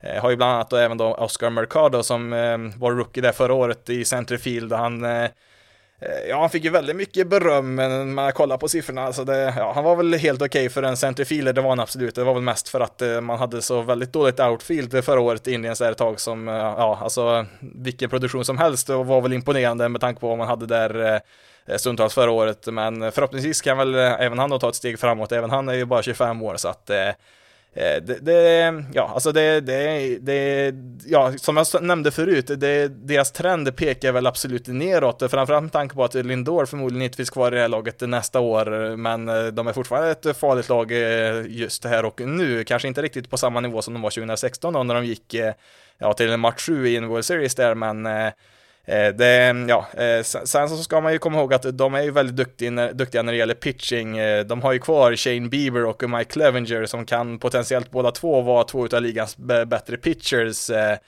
Sen har man ju även fått tillbaka Carlos Carrasco som förhoppningsvis är helt frisk här nu. Han drabbades ju av leukemi förra året där och det, ja, det är ju inte en diagnos man tar sig tillbaka ifrån hur som helst. Han hade väl kunnat få avstå den här säsongen om han hade velat och ändå fått betalt med tanke på att han då Eh, tillhör en riskgrupp då efter att ha fått cancerbehandling då förra året. Eh, men ja, han kommer vara med och spela nu ändå i år. Eh, han kom väl tillbaka det sent på förra säsongen där och kastade väl någon inning och så, men nu ska han vara en starting pitcher igen här och han har startat en match här och gjort, såg väl stabil ut i den matchen där. Men får ändå ha ett öga på honom där. Han är ju 33 också nu så att han är inte jätteung längre och med tanke på hur tuff säsongen hade förra året då vid sidan av planen så ja, det finns ingen, ingen garanti att han kommer att vara den pitchen som han eh, en gång var, så att eh, eh men ja, eh, trots det så deras pitching ser, ser bra ut. De är ju väldigt duktiga på att utveckla pitching också. De har ett par unga pitchers där, Sivale och eh, Playsaxon som eh, fick spela lite förra året där och imponerade. Så att eh, de brukar lösa pitching-sidan ganska bra där. Man har ju dessutom då tradeat bort eh, Corey Kluber, deras före detta ace, före detta Cy Young-vinnare som Eh, ja, han tappade väl rollen som deras ace förra året och får vi säga. Han spelade väl i några få matcher där som inte gick alls bra. Sen fick han ju en line drive rätt på underarmen där som skapade någon fraktur som gjorde att han missade stora delar av säsongen. Sen var det väl ja, det var väl någon mer skada som dök upp där, så det, han kom ju aldrig tillbaka till deras rotation, så att Eh, Eh, det, ja, det var ju överraskande när den här nyheten kom, men eh, kanske inte så överraskande ändå när man, eh, när man tänkte efter lite. Han har ju ett relativt stort kontrakt, eller ja, inte, inte med tanke på hur bra han har varit så var han väl ganska underbetald, men det var väl en hyfsat stor summa pengar för ett lag som Indien som är ja, erkänt ganska snåla när det gäller att betala ut större summor pengar, så att Eh, ingen Corey Kluber då för första gången på väldigt länge här nu i Indiens, men eh, som sagt, eh, pitching, det, det, brukar lösa sig. Både Bieber och Clevenger är ju som sagt potentiella Cy Young-vinnare. Framförallt Bieber är väl en spelare som eh, eh, många tror på, var ju den stora stjärnan vid All-Star-matchen förra året där på hemmaplan och hade ju en väldigt bra säsong, startat 33 matcher eh, med en ERA på 3,2 där, 214 innings, en riktigt, riktigt bra säsong som sagt, så att Eh, Eh, det, det, är nog inte helt omöjligt som sagt att han kommer få lite Young-röster i år och eh, ehm, men ja, sammanfattningsvis då när vi kollar på det här laget så eh, Ja, jag tycker att Indiens kanske får lite väl mycket oförtjänt med kritik alltså för deras lag. Alltså visst, det, det, är inte riktigt det laget som det var kanske för några år sedan, men det finns fortfarande väldigt mycket bra spelare här och Um, alltså, när, när det gäller att ta ställningar då, White Sox eller Indians, uh, det, jag, jag, vill nästan säga att White Sox är bättre. Det, jag vet inte varför riktigt, men eh, det är svårt att Eh, ja, alltså det här är ett mer etablerat lag som sagt, Indiens. Eh, man vet väl mer om vad man kan förvänta sig av det här laget, eh, samtidigt som White Sox då förmodligen har ett högre tak. Alltså skulle allting klicka för White Sox och alla spelare leva upp till de förväntningar som finns på dem och liksom ta flera steg framåt så Ja visst, då skulle de väl kunna springa iväg och vinna hela den här divisionen. Det är liksom den potential som finns i det här laget, men det är ju sällan liksom allt sånt klickar på en och samma gång och alla samtidigt, så att Eh, det, visst, eh, den här säsongen blir ju lite speciell så att eh, då kan ju lite knepiga saker hända, absolut, men Nej, jag, jag, jag kan inte med gott samvete placera White Sox före Indians här. Jag skulle säga att de är väldigt nära varandra, det skulle jag säga, men jag, jag skulle väl ge någon enstaka procents fördel här till Indians.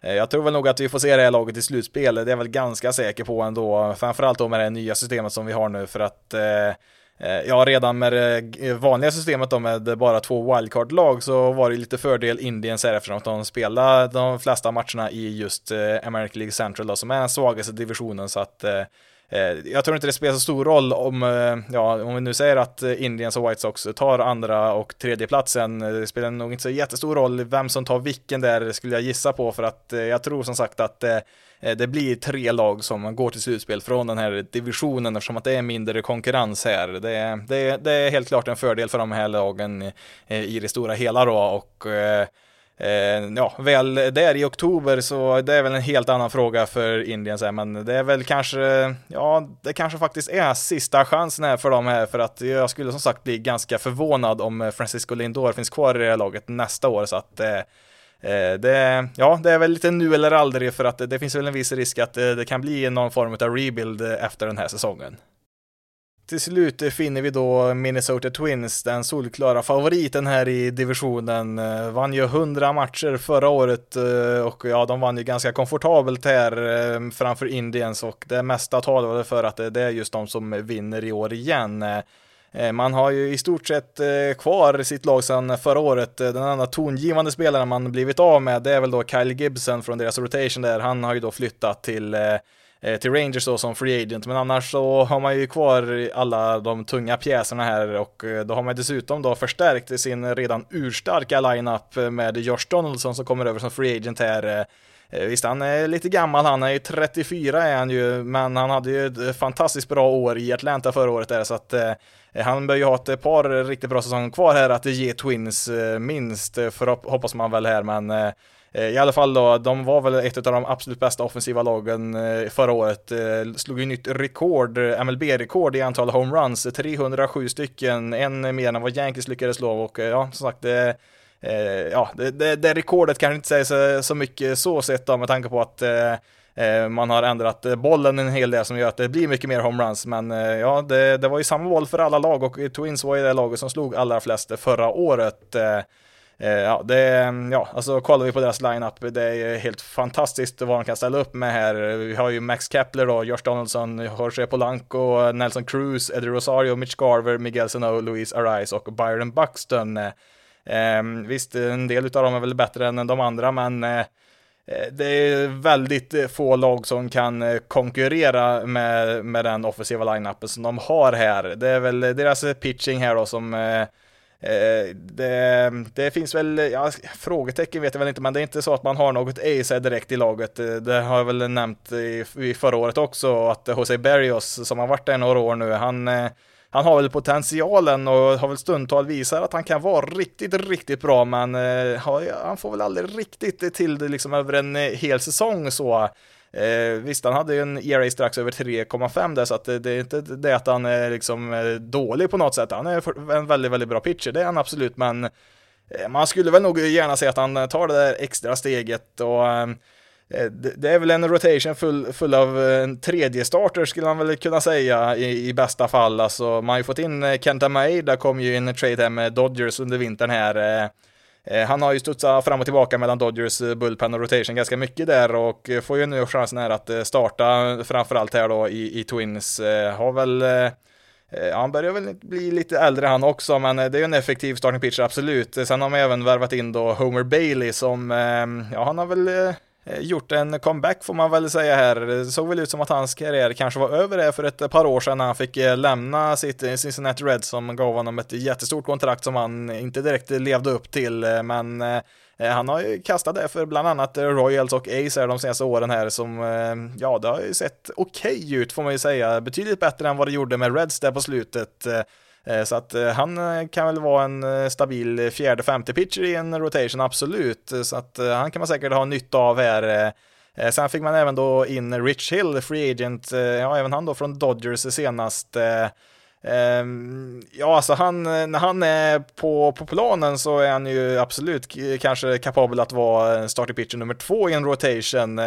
Eh, han har ju väldigt mycket skadebekymmer, alltså han är ju 40 nu, jag undrar på om han kanske är den enda spelaren som är över 40 just nu i MLB. Eh, det är väl en pitcher som man i vanliga fall då under en ordinarie säsong kan räkna med kanske kan kasta en 120-130 innings då med lite småskador inblandat. Så eh, nu hade han ju inte varit redo för opening day här i våras, han hade väl nog missat april-maj kanske i, var det väl planerat. Eh, men nu börjar han ju kunna starta här under veckan här är det väl tänkt så att eh, Eh, en förkortad säsong gynnar ju absolut Rich Hill som, eh, ja, får han, eh, ja han borde ju kunna vara frisk i, i två månader, det borde ju till och med han fixa här och ett slutspel också så att det är ju såklart farligt med en pitcher som är ja, över 40 nu då. Det kan ju väldigt mycket hända om en skadehistoria som han har, men Eh, för Twins skull så behöver han nog eh, kunna spela på ungefär samma nivå som han gjort de senaste åren här. Eh, för i ett slutspel så ser det, ja det ser lite tunt ut på pitching-sidan här i deras rotation. Det såg vi ju förra året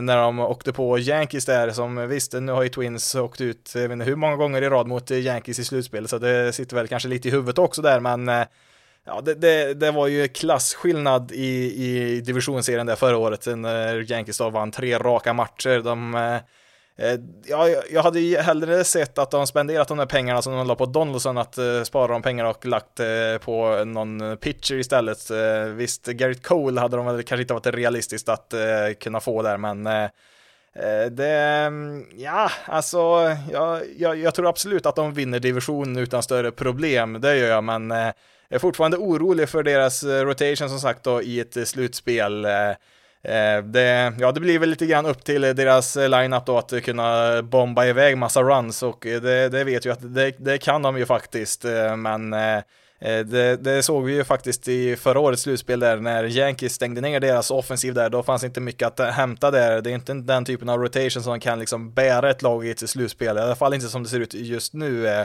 Eh, I så fall så krävs ju att eh, en eller helst flera av de här eh, pitcherna tar ett steg framåt, kanske till och med två steg för att det ska gå vägen. I och för sig, man har ju även då Jake Odorizzi där på deras injured list som, han ska väl komma tillbaka relativt snart hoppas de på i alla fall och han är väl Ja, återigen, han är en, han är inte bara en hyfsad pitcher, han är en bra pitcher, det är han, men han är inte, de saknar ju som sagt den här spetsen tror jag som krävs för att ta sig långt in i oktober. Eh, Eh, ja, deras bullpen i alla fall ser ganska bra ut, eller jag tycker den ser riktigt bra ut. Eh, Taylor Rogers, deras vänsterhänta closer där var ju riktigt bra förra året. Eh, Trevor May där har man ju också som hade en bra fjolårssäsong och ja, Sergio Romo har man ju med där också som Ja, han har väl sett bättre dagar, 37-åringen. Han var ju med där med Giant när de vann alla sina titlar en gång i tiden där, men Eh, han är fortfarande en effektiv pitcher, det är han absolut. Kanske inte closer-material, kanske han inte riktigt är, men han har väl kanske då framförallt eh, rutinen. Han har ju varit med många gånger långt in i oktober, så att eh, det kanske kan bli värdefullt när de väl är där. Men som sin helhet då, det, det är ett väldigt bra lag där, det är det absolut. Men jag är lite tveksam inför slutspelet, återigen då om deras rotation klarar av den resan.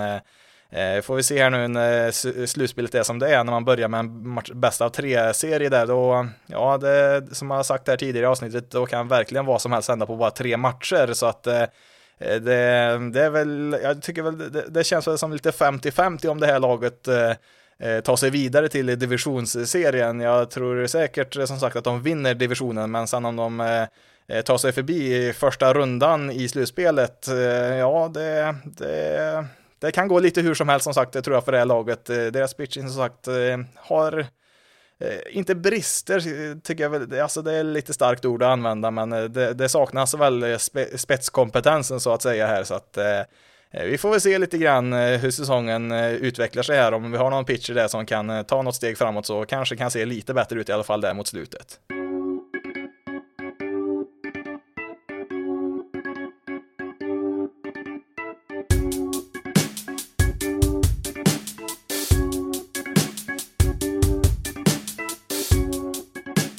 Till sist har vi American League East och mer specifikt ska vi börja med eh, Boston Red Sox eh, som eh, hade det lite tufft förra året. Liten besvikelse var det absolut där. Man hade väl kanske inte räknat med att vara riktigt med i den absoluta toppen, men slutspel hade man väl nog hoppats på. I år så är förväntningarna betydligt lägre och under ja, det gamla slutspelssystemet då så tror jag nog att det hade blivit väldigt tufft för det här laget att nå dit och jag är fortfarande väldigt skeptisk till om det blir något eh, även i år, även om det, finns fler platser att eh, ta sig dit. Eh, framförallt beror det ju på deras starting pitching som är rejält skadeskjutet med tanke på hur det såg ut förra året. Nu hade de väl problem där även 2019 då, men nu är ju Chris Sale borta helt och hållet. Han gjorde ju en Tommy John-operation här i våras så att han kommer ju inte vara tillgänglig förrän någon gång in på nästa säsong. Eh, Eduardo Rodriguez eh, drabbades av covid-19 här och eh, det tog väl ganska styggt på honom här, tydligen ganska allvarliga komplikationer där, hade väl problem med hjärtat till och med tack vare det här så att jag vet inte riktigt om man kan räkna med att han kan kasta någonting i år och om han gör om han kommer att vara effektiv. Han har väl sagt att han tänker försöka komma tillbaka i år, men det är väl ingen som helst garanti. Det finns ju viktigare saker för hans del här att komma tillbaka vid god hälsa. Eh, David Price har man ju, för, har man ju tappat. Eh, han tradar man ju bort eh, till, till Dodgers då i Mookie Betts-traden och ja, Mookie Betts är inte en dålig spelare det heller att uh, blivit av med. nu fick man ju i, i utbyte där då bland annat Alex Verdugo, en outfielder då, som, ja, han tar ju Mookie Betts plats där i right field gör han ju och Eh, Eh, det är ju såklart en lovande, lovande spelare, Alex Verdugo, som hade en bra säsong eh, förra året. Han blev lite skadad på slutet. Eh, han spelade 106 matcher och ja, han gjorde det ju bra de matcherna han spelade, men han är ju långt ifrån någon Mookie Betts. Nu har man väl tillgång till honom, ska vi se, det blir väl en fem år till man har honom här, så att Visst, han är ju billigare än absolut, men det är, ja, det är inte direkt en värdig ersättare för, för Mookie Betts som är en av kanske ligans fem bästa spelare. Eh, om vi då återgår till just deras starting rotation, om vi kollar på deras depth chart här så, eh, ja det ser ju väldigt eh, suspekt ut får man ju ändå säga. Alltså Nathan Uvaldi är ju deras eh, första pitcher nu på deras eh, depth chart här på Fangraphs. Eh, ja, hans fjolårssäsong var ju inte mycket att skriva hem om. ERA på 5,99 så han klarade sig med nöd och näpp under en ERA på 6 i alla fall då tekniskt sett, men Eh, visst, han var väl lite skadad och så förra året, han opererade väl någonting i armbågen där och så fick han ju hoppa in i deras bullpen en sväng, så att det, det var väl ingen eh, optimal säsong på, på något sätt där för Io Voldi, men eh, eh, han ska ju inte vara ditt första val oavsett, även om han har haft eh, bra säsonger bakom sig, absolut. Eh, sen eh, värvar man ju in Martin Perez, eh, eh var väl senast i, i, i Twins, en av få free agents man värvat in här i år. Eh, hade väl också en ERA över 5 han förra året. Eh, jag vet inte riktigt hur mycket man kan förvänta sig från honom här. Sen när man kollar på resten, det är liksom eh, namn man ja, inte hört talas om. Ryan Webber här har väl Ja, han har ju gjort några matcher lite här och där, främst som en reliever och så har man ju då Matt Hall, ja, enda anledningen till att jag har hört talas om honom det är att han har varit en reliever i Tiger som har haft lite koll på där så, men det, det, det ser väldigt, väldigt tunt ut i deras rotation där. De har inte ens någon femte starting pitcher i nuläget. Det verkar som de kommer köra en bullpen-match här under veckan istället för att slänga in en starting pitcher där. Och, ja, man har ju, ja, Zach Godley fick man ju plocka in här. Han fick ju inte ens plats i, i Detroit Tigers äh, lag där och äh, blir free agent där och eh, ja, då fick ju Red Sox plocka upp honom här.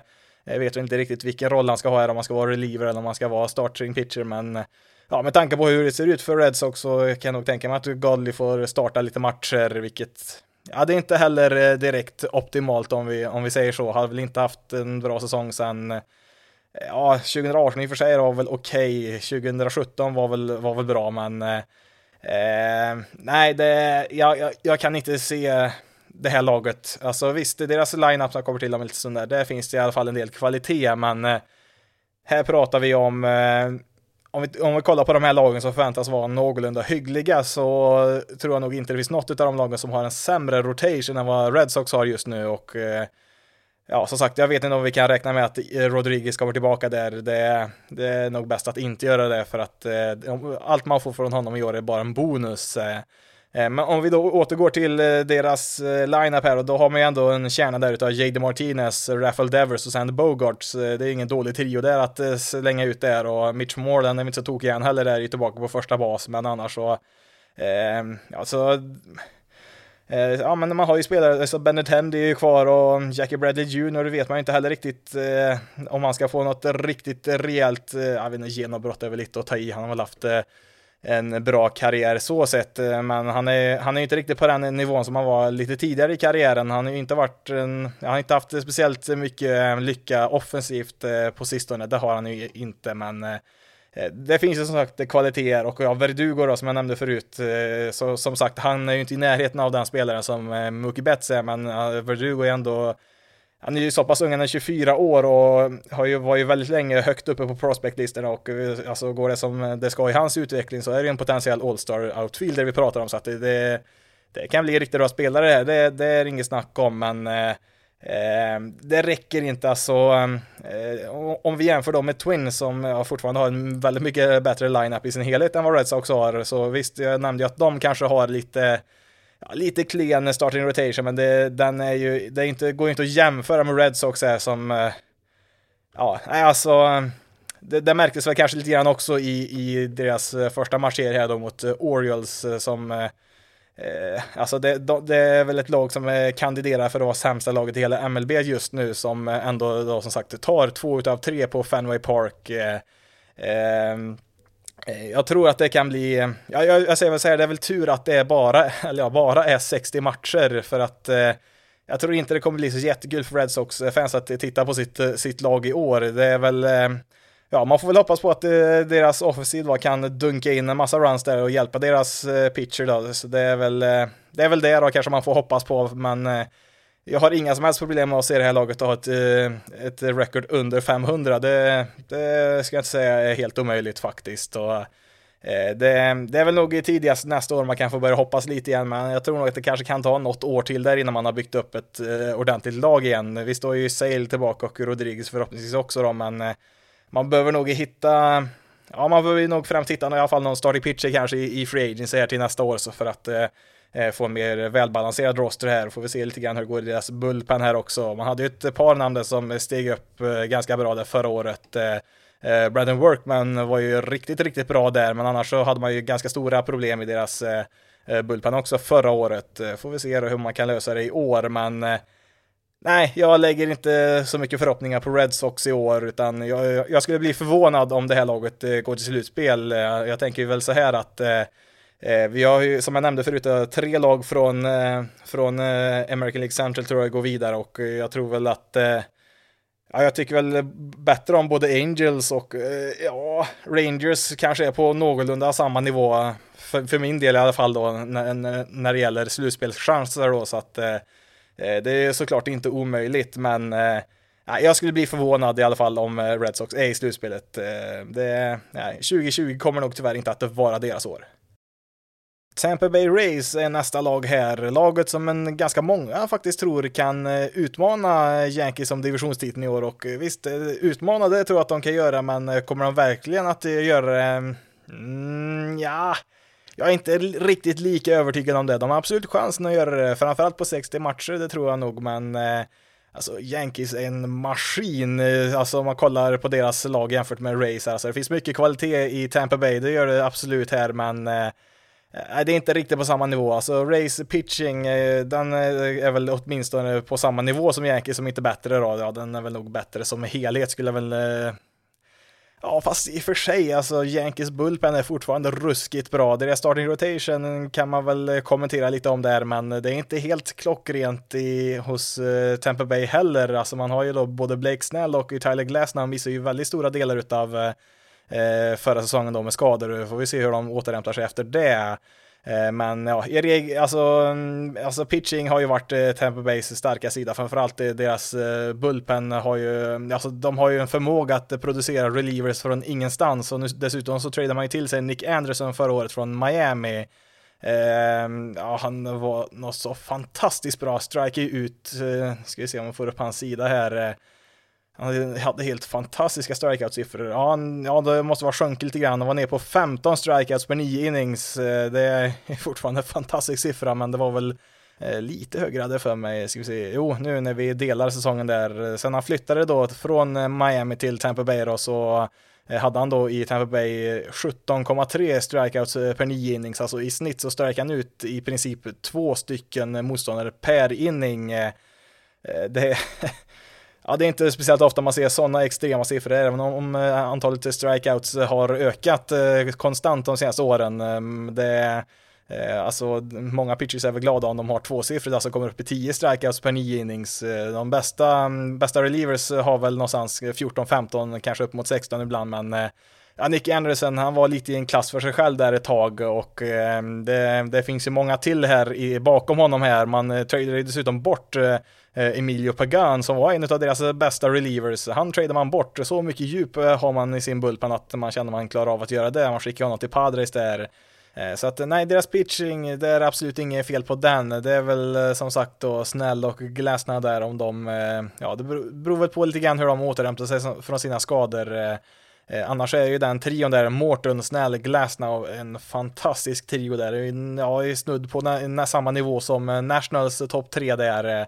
Eh, kom ihåg att Glasnow var väl kanske ligans bästa pitcher de första åtta veckorna på förra säsongen där innan han gick i sönder och Blake Snell, ja där har vi en Cy Young-vinnare tillsammans då med eh, eh, Charlie Morton då som, eh, ja det hade väl inte varit helt otänkbart att han hade kunnat eh, vinna en han här också de senaste åren här, framförallt förra året var han ju riktigt bra, han är ju Ja, det är nästan lite otroligt. Han är 36 år och ändå har han blivit bättre och bättre tre år i rad. Här har han sänkt sin ERA faktiskt. Så att eh, Eh, det, det, är en riktig vass eh, trio man har där. Så att eh, återigen, deras pitching, det är inte det man ska vara orolig. Det är väl ja, lite mer offensivt finns det väl lite mer brister. Det är många unga spelare fortfarande som behöver lite mer rutin kanske och Ja, det, det, är väl egentligen många som kanske är lite mer defensivt inriktade också. Rent försvarsmässigt så har de, har de det ganska bra här, men det är väl lite styrka skulle man behöva här. Det såg vi väl också lite brist på förra året. Eh, det har man väl försökt eh, lösa lite grann här nu inför den här säsongen. Bland annat så eh,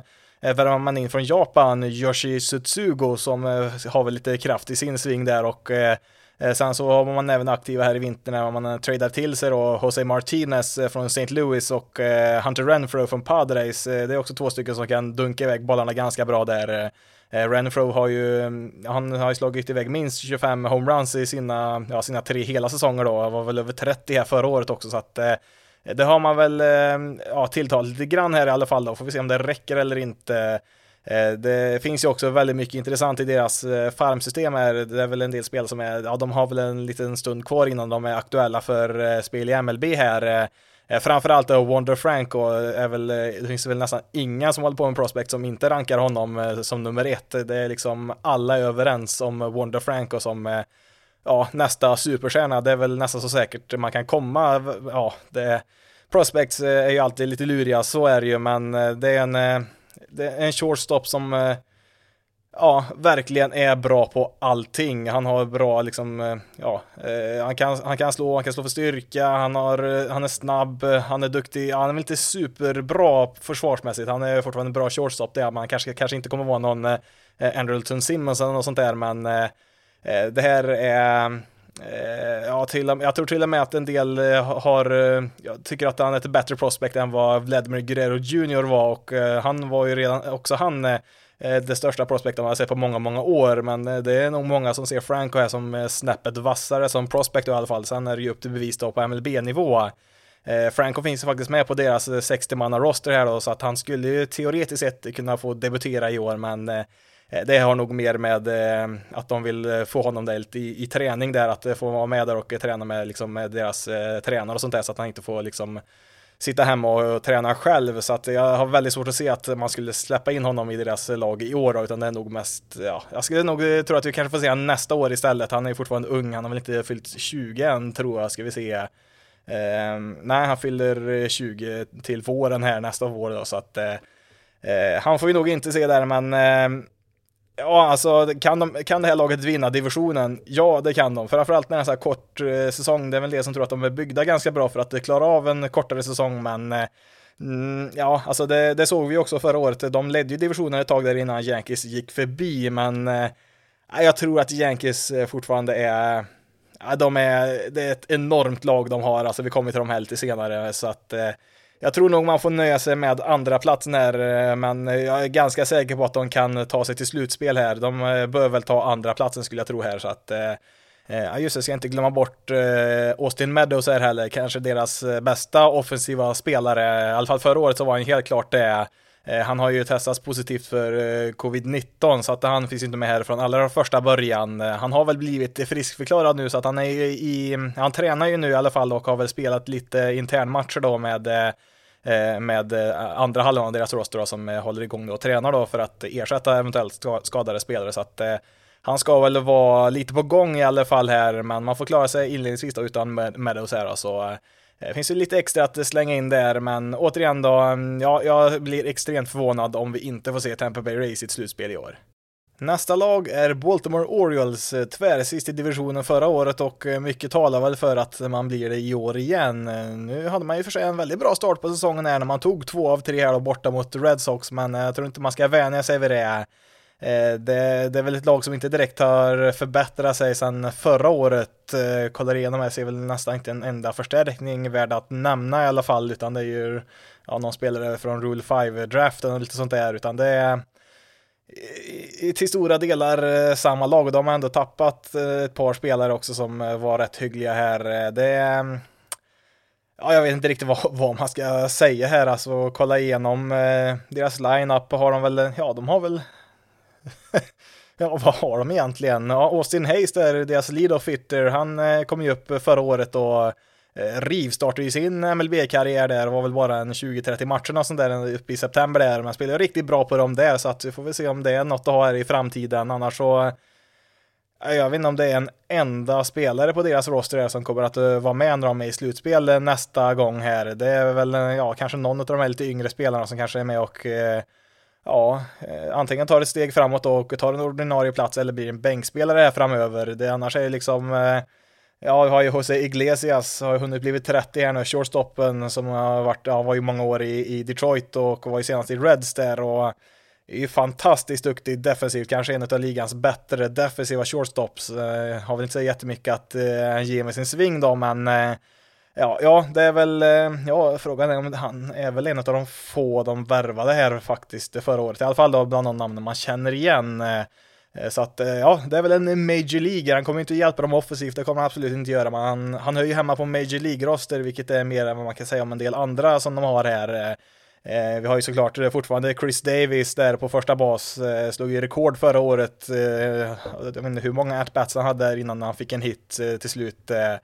Eh, men ehm, ja, eh, jag tror nog vi kan ge upp hoppet om att Chris Davis ska vända på det snart. Eh, vi får gå tillbaka, nu ska vi se, det var 2016 var sista säsongen där som han var relativt bra, av ingen jättebra säsong men ändå helt okej okay siffror där. Sen gick det väl sämre 2017 och sen var det 2018 där han totalt kraschade. Det var väl marginellt bättre förra året men eh, ehm, Nej, det är, det är lite sorgligt. Visst, det, det är väl kanske svårt att tycka synd om en spelare som tjänar ska vi säga, 23 miljoner dollar per år. Han är ju han är ju välavlönad, det är han ju minst sagt och har ju kontrakt eh, nästa år och året därefter. Det är först efter säsongen 2022 som han är free agent. Så eh, det är bara att hosta upp de här pengarna där för 34-åringen som eh, eh, Ja, alltså skillnaden, alltså om man jämför dem med Albert Pujols som också eh, inte direkt förtjänar sin eh, lönecheck då, baserat på vad han presterar på planen så eh, Pujols är ändå Alltså det är en spelare som skulle, eh,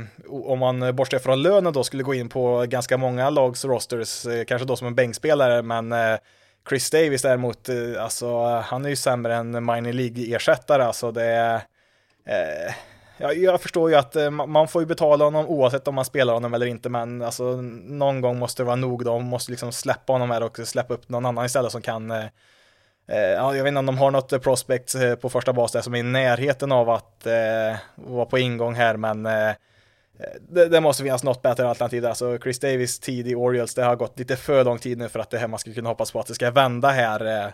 Eh, annars då så, ehm, ja alltså Anthony Santander är en lite rolig spelare så som, eh, han är väl helt okej okay för sig då. Han är väl en av få spelare här som faktiskt eh, hör hemma på en B-roster. Det, det gör han ju. Eh, var väl kanske del av en av de roligaste scenerna vi fick se förra året där. Det var väl någon match när det var eh, jag tror det var en flera tusen brittiska scouter som där, alltså inte baseball-scouter utan scouter som ute i skogen och tälta och åka kanot och sånt där. Eh, de var där och eh, ja, nu är väl baseball kanske inte jättestort i just eh, i Storbritannien då så att de hittade väl en favoritspelare där, Santander, och varenda gång han fick bollen där så var det ju stor jubel på arenan där. Det var ju, ja, bara han plockade ner någon rutinboll där, någon flyboll, så blir det ett stort jubel varje gång han fångar bollen där. Så lite roligt så, blir inte publikfavorit så på det sättet. Men ehm, ja, annars så är det väl mest lite roliga berättelser kanske man kan eh, få ut från säsongen. Det är väl mest det man kan hoppas på här. Jag tror inte man kommer direkt ta något steg framåt i år. Eh, eh, visst, man kanske inte förlorar så extremt mycket som man gjorde förra året, men nej, det här är... Nej, alltså, alltså det starting rotation, det är väl, ja, det är väl ett par spelare man känner igen, så Alex Cobb och eh, Wade LeBlanc har väl haft eh, sina stunder i ligan, men det är ju inget eh, det är inga man ska, man, det är inga spelare som kan lägga laget på ryggen här och bära dem någonstans här. Det är John Means där då, han har ju varit lite skadad här, ska väl vara tillbaka här ganska snart. Han hade ju en väldigt bra säsong förra året, en av väldigt få spelare som hade en bra säsong för Orioles förra året. Eh, får väl hoppas att eh, han kan komma tillbaka och fortsätta med, med, samma, med samma resultat här. Han har eh, ska vi se, efter i år då så kommer han att ha, ska vi se, fyra år kvar utav service han då innan han blir free agent. Så att det är väl möjligtvis han då som kan vara kvar här i Orioles nästa gång de blir bra igen då, för det kommer vara ett antal år tror jag här innan Eh, de är på banan igen. De hade ju första valet i draften för ett par år sedan, Adley Rutschman, där valde man catchen där som eh, borde vara kanske redo till nästa år där. Det är väl då det kanske ska börja vända lite grann då. Det kommer fortfarande dröja då eh, mer än bara till nästa år då innan man är i slutspel, men 2020 tror jag fortfarande är ett år som man eh, ja, det kan bli eh, smärtsamt eh, kan jag väl säga att eh, kolla på Orioles även i år. Det är väl som med många andra av de här bottenlagen, tur att det kanske bara är 60 matcher så att man inte behöver se för mycket förluster. För eh, det finns väl en gräns på hur många hundra förlustsäsonger man kan titta på här, men eh, det är ju lite den taktiken man kör på här från deras eh, nya President of Baseball Operations, Mike Elias. Han kom väl in, om det var inför förra året där, Eh, han var ju med när Astros där i början när de började totalt, eh, ja de sålde av allt de hade där och var verkligen i botten av tabellen i flera år där innan det vände där. Så att eh, det är en taktik som funkar för dem och ja, det finns väl kanske en anledning till att han tar med sig den taktiken hit till Orioles då. Så vi får väl se då om man kan få till det här på sikt, men nej, i år då så är Orioles inte direkt någonting man kan räkna med. New York Yankees, eh, laget som är storfavoriten i American League, eh, kanske inte riktigt på samma sätt som Dodgers eh, i National League då, men det är väl klart Yankees som är på toppen här just nu. Sen är det väl inte det någon garanti för att det är just de som står där längst in i oktober som enda lag som är kvar. Men ja, det, är bara att ta en snabb koll på laget här så förstår man ju varför det är.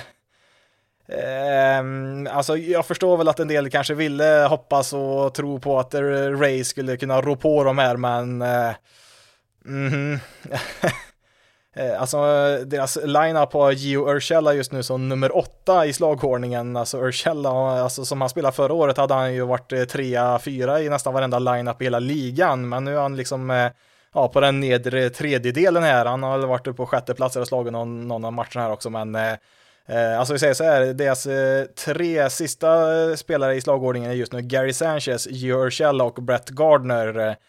Eh, det är ett fantastiskt djup de har där och eh, då har de dessutom en Miguel Andujar där på bänken som eh, det är kanske en del som har glömt bort honom. Han var ju fantastisk i sin rookie-säsong där för två år sedan. Eh, katastrofal eh, defensivt då på tredje bas, det var han ju absolut. Eh, sen så var han ju, han spelade väl några enstaka matcher förra året där innan han blev skadad och missade resten av säsongen men nu är han ju tillbaka här och eh, alltså det är inget dåligt sparkapital man har i honom här. Han har väl fått varit ute i left field och spelat lite här nu då, så att han lär väl hållas borta från deras infield så gott det går då, om det inte är på första bas då kanske.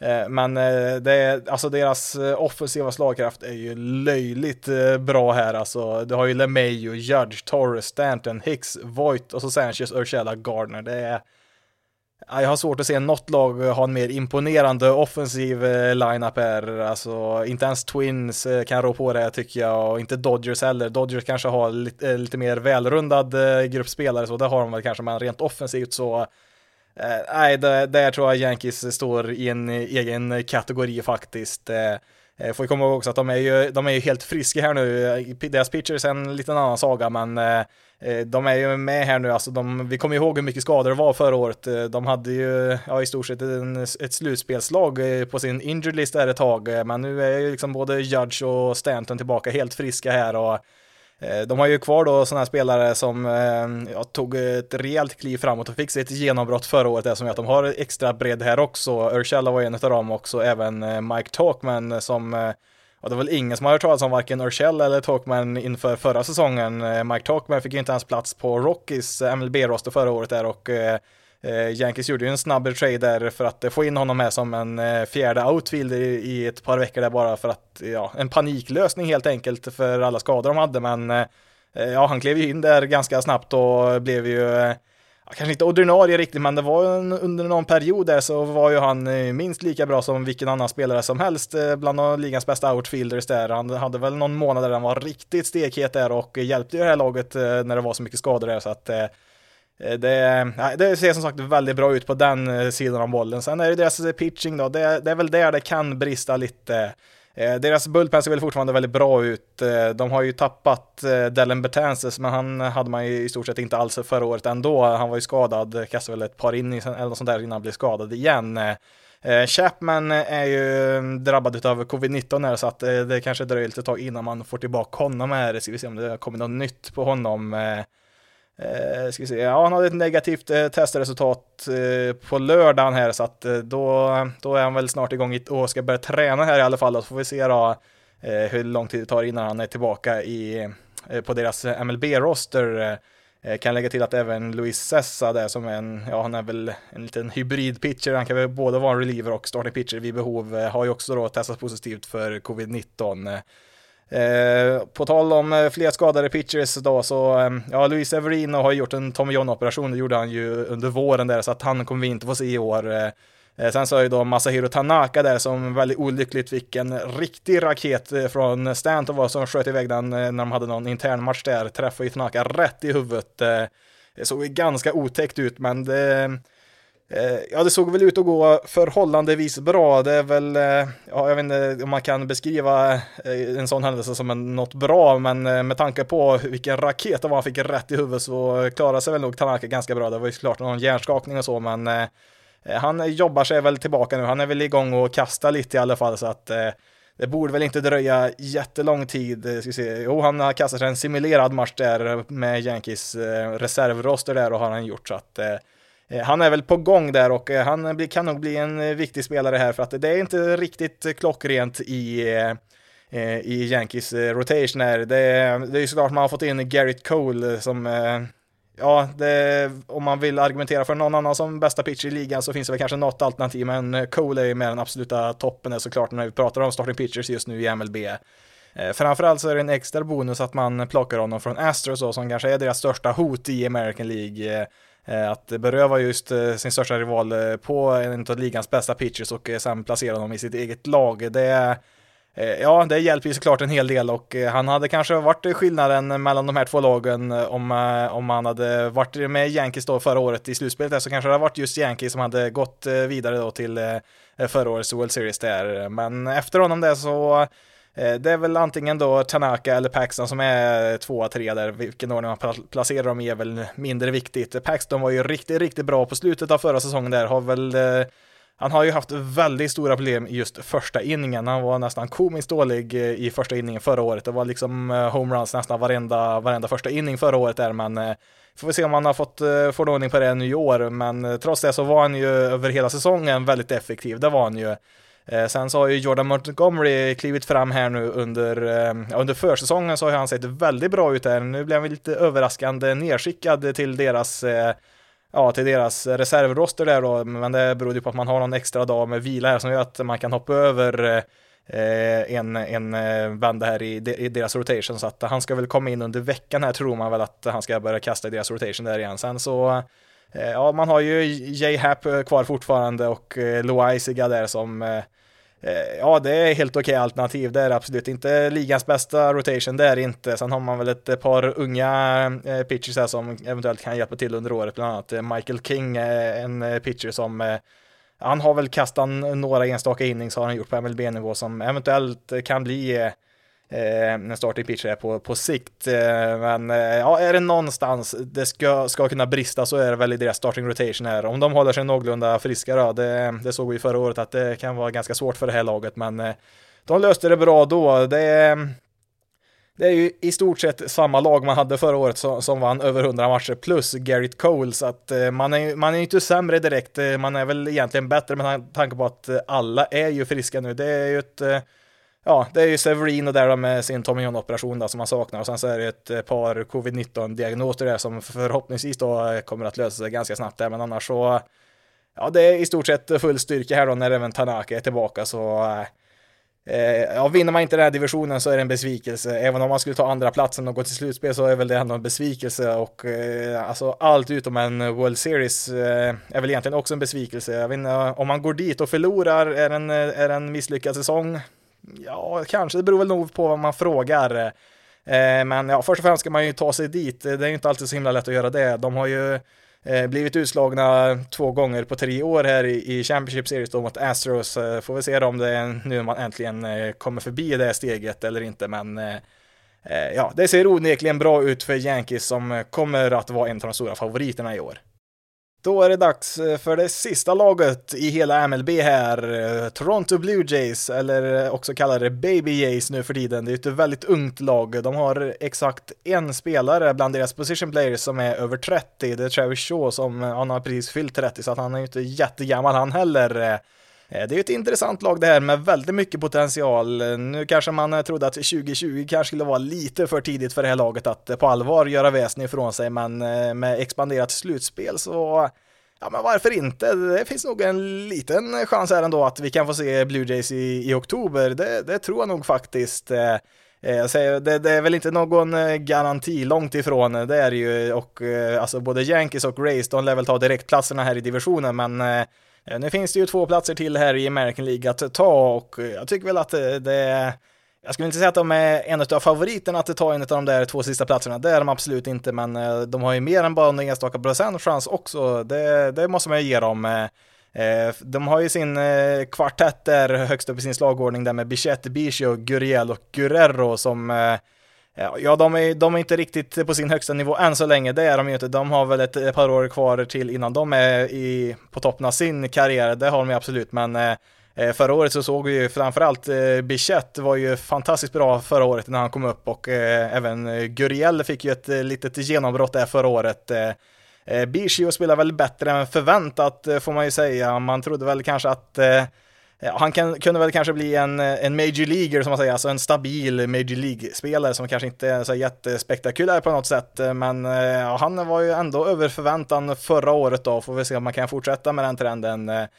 Guerrero då var väl lite, en liten besvikelse förra året, han är fortfarande väldigt ung, han fyller ju Eh, han fyller 22 nästa år så att han är fortfarande väldigt, väldigt ung. Hade ju, ja, han hade väl någon period där han var riktigt, riktigt bra och vi såg ju vid Home Run Derbyt eh, vilken enorm styrka han har i sin sving. Nu, ja, nu är det ju många eh, MLB-spelare som kan dunka iväg massa homeruns med ett All-Star eller vid ett, vid ett Home Run Derby så. Det är, det är inte riktigt samma sak som att spela i matcher, men det finns ju enorm potential här som väntar på att komma fram här från honom också, så att Eh, framtiden är ju verkligen väldigt ljus här för, för Blue Jays och det finns ju en del hyggliga spelare där bakom också. Gritchuk och eh, ja, det är väl ja, det är väl ja, jättebra ser det väl kanske inte ut ändå efter de där fyra där i toppen, men eh, eh, det, det, är en, det är en bra början i alla fall, en bra grund att bygga på. Sen eh, kanske man inte kan eh, räkna med att de ska utföra något underverk här och så. Eh,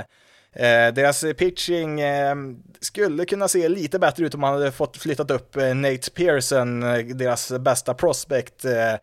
Han, han är väl egentligen redo, alltså. det är nog frågan om lite service time-grejer här tänker jag, men alltså det är en Ja, det är en pitcher, alltså starting pitcher som kan kasta långt över 100 miles per hour. Han kan väl komma upp i 102-103 och kasta och eh, det är inte många starting pitchers som kan göra det. Det finns ju en och annan reliever som kan göra det, men eh, det är ganska få individer, ja nog i hela världen som kan göra det så regelbundet som han kan, så att där finns det ju väldigt mycket potential också att eh, få in i deras eh, i deras rotation här och eh, med tanke på att säsongen ser ut som den gör, alltså med eh, expanderat slutspel som då ökar chanserna för ett lag som framförallt då Blue Jays så är jag lite besviken att man inte, att man inte flyttar upp honom här direkt eh, för att Ja, det finns väl tre etablerade starting pitchers får vi ju säga, alltså som har en hel del rutin. Man värvar ju in Jönjin Ryu från Dodgers då som free agent. Eh, sen så har man även Matt Shoemaker som, eh, han kom ju som free agent eh, förra året där och hade ju fem riktigt, riktigt bra starter, såg ju riktigt positivt ut för honom där, sen så blev han ju tyvärr skadad. Jag för mig, han var väl med i någon rundown där, där han trampade fel på något sätt, han något i knät pajade så att han missade resten av säsongen där, vilket, ja det var verkligen synd där med tanke på att han också var så himla bra där, alltså Visst, det var fem matcher, men han hade en ERA på 1,5 på de fem matcherna, så han var ju stekhet där inledningsvis. Eh, har ju haft mycket skador annars i sin karriär också, så att eh, eh det är väl lite av ett tema för honom tyvärr då, men eh, eh, nu är han tillbaka då, så får vi se om man kan fortsätta på samma sätt i år då. Sen har man även en annan free agent man har fått in, Tanner Rourke. Eh, riktigt stabil brukar ju han faktiskt vara. Eh, sällan något märkvärdigt. Han var ju i Reds förra året och i Oakland. Han tradades väl dit där mot slutet sen. Eh, Eh, han, eh, ja, han är en eh, sån här pitcher som kan ge någonstans mellan en ERA på ja, mellan 4, 4,5 någonstans. Inte något spektakulärt som sagt, men en nyttig pitcher att ha i sin rotation. Det är en pitcher som många skulle ha nytta av i, på en MLB-roster, så att de tre, absolut, de hör hemma här, men jag hade nog som sagt gärna sett Nate Pearson här från eh, första början. Det hade nog eh, ökat deras chanser ganska rejält. Eh, jag har inte hört någonting om att han varit skadad eller något sånt där heller, ska jag se här. Ehm, nej, det står inget.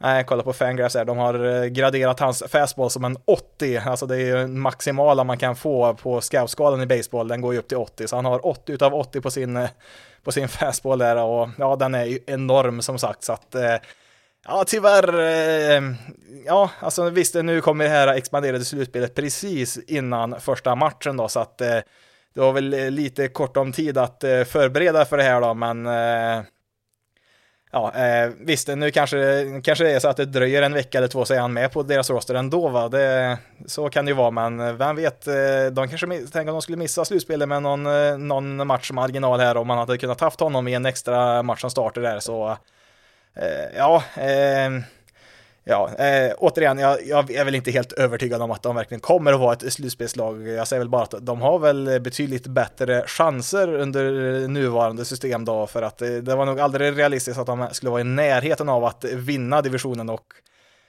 jag tror det har blivit väldigt svårt att ta en wildcard-plats också då, enligt eh, det gamla systemet då, så ehm, Eh, det här gynnar ju lag, det, här, det här laget absolut att ha 16 slutspelslag, då, 8 i American League. Och, mm, eh, jag, jag, skulle som sagt inte bli jätteöverraskad om det, de väl finns med där i slutspelet, men eh, eh det, kanske, det kanske samtidigt är ett år för tidigt. Det, det, är väl kanske då nästa år, då tror jag nog att de kan bli ganska intressanta om de får vara lite aktiva där i Free Agency också. Så eh, kan nog Blue Jays bli ganska farliga nästa år, men ska nog inte räkna bort dem helt och hållet i år heller. Där tog vi oss äntligen i mål. Försökte klämma in det här under två timmar här i avsnittet, men eh, som ni ser så eh, kom kommer jag inte riktigt eh, dit. Vill ju inte korta ner tiden här heller för lagen utan vill ju få allt sagt för alla lag så att det blir lite rättvist här. Det, det finns inga begränsningar i det här mediumet med podcast. Det är, liksom, det är jag som sätter gränserna här. Oftast vill jag väl sätta gränsen på typ 45 minuter men ja, nu blev det lite annorlunda här nu. Det blev väl nästan en 5-6 avsnitt där på, på de två senaste, men eh, eh, ja, i vilket fall som helst, eh, har man väntat eh, på att eh, lyssna på sitt, eh, ja, på sitt favoritlag kanske, då förtjänar man väl att få lika mycket som alla andra lag har fått också då, så att eh, det, ja, det, det, fick bli som det blev helt enkelt. Det, det, är mycket som är lite annorlunda den här säsongen, inklusive den här podcasten, så att eh, tänker vi inte säga så mycket mer där, utan jag har verkligen Eh, visst, jag tycker om att göra podcasten, inte det, men nu har jag pratat väldigt mycket den senaste veckan, det får jag ändå säga. Det har blivit eh, lite väl många timmar här när jag suttit och lyssnat på mig själv, så att eh, eh, det återstår väl bara att säga tack så jättemycket för att du har lyssnat på detta avsnitt av Basis loaded. Mitt namn är Jonathan Fabri. Tack så jättemycket för att du har lyssnat på detta avsnitt av Basis loaded. Ni får ha det så bra där ute, så hörs vi i nästa veckas avsnitt.